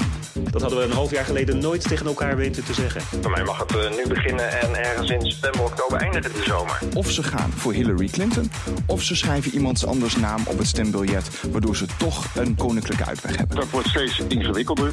Eh, alles eh, virtueel, digitaal, webshops, et cetera. We are suspending our campaign. Ga nou duidelijk communiceren in plaats van het ontzettend ingewikkeld te maken. Je kunt het ermee oneens zijn. Die gaan naar de politie. Daar weten ze eigenlijk ook niet wat er aan de hand is. En dan sturen ze de burger weer naar huis. Wat we zien is dat die donderpreek eh, die je vroeger nog wel eens gaf, die helpt niet meer. Eh, de renners komen hier eh, zaterdagochtend vanuit eh, Arnhem ons kant op en slaan dan eh, rechtsaf. Heb je het dan eh, toch al over ongeveer 50 euro per terrasstoel per mooie dag. Maar tot nu toe eh, is dat gebeurd bij ondernemers die echt te laat waren met het bestellen van een kastje. Hi Sarah, I am telling you, this store is a life changer. Dan kan je zeggen, ik wil daar een keer over praten. Dan moeten we dus ook gewoon bereid zijn om te zeggen... dit handelsverdrag willen we niet, uh, dan is het het ons niet waard. Ik denk dat dit geheel in de spirit is van Anton en Gerard Philips. In de tussentijd laat je iedereen die tot nu toe een VAR heeft gewoon factureren en betaal je gewoon bruto. Maar ik krijg toch wel indrukken dat je geen zelfstandige bent, dat je werknemer bent. Dat is zo'n beetje wat je in die overeenkomst dus inderdaad leest. But we're going to give you things that you can't live without, that you just don't know that you need today. Okay. Sterker nog, we hebben daar momenteel hebben we daar meer profijt dan last van. This whole business is about stopping Hillary Clinton from being president. Mensen die gevoelig zijn voor de berk, die zullen vooral in uh, april, mei klachten hebben. Maar mensen die gevoelig zijn voor uh, graspollen, vooral in juni. En dan kun je denken aan uh, betere toegang tot de Europese markt. There is no free ride here. And we are clear about what remains to be done. Je kunt het ermee oneens zijn. Of ze gaan voor Hillary Clinton, of ze schrijven iemands anders naam op het stembiljet. Voor mij mag het nu beginnen en ergens in september, oktober eindigen de zomer. Friday Move wordt mede mogelijk gemaakt door Arend. Inrichters, we denken graag met u mee. Goede mensen vind je razendsnel op Temper. Plaats je shift op het platform en kies zelf uit duizenden freelance professionals op basis van hun ratings en skills. Van 1 tot 100 man, voor één shift of regelmatig, je vindt ze op Temper. Al vanaf 18,90 per uur. Temper, shift your workforce.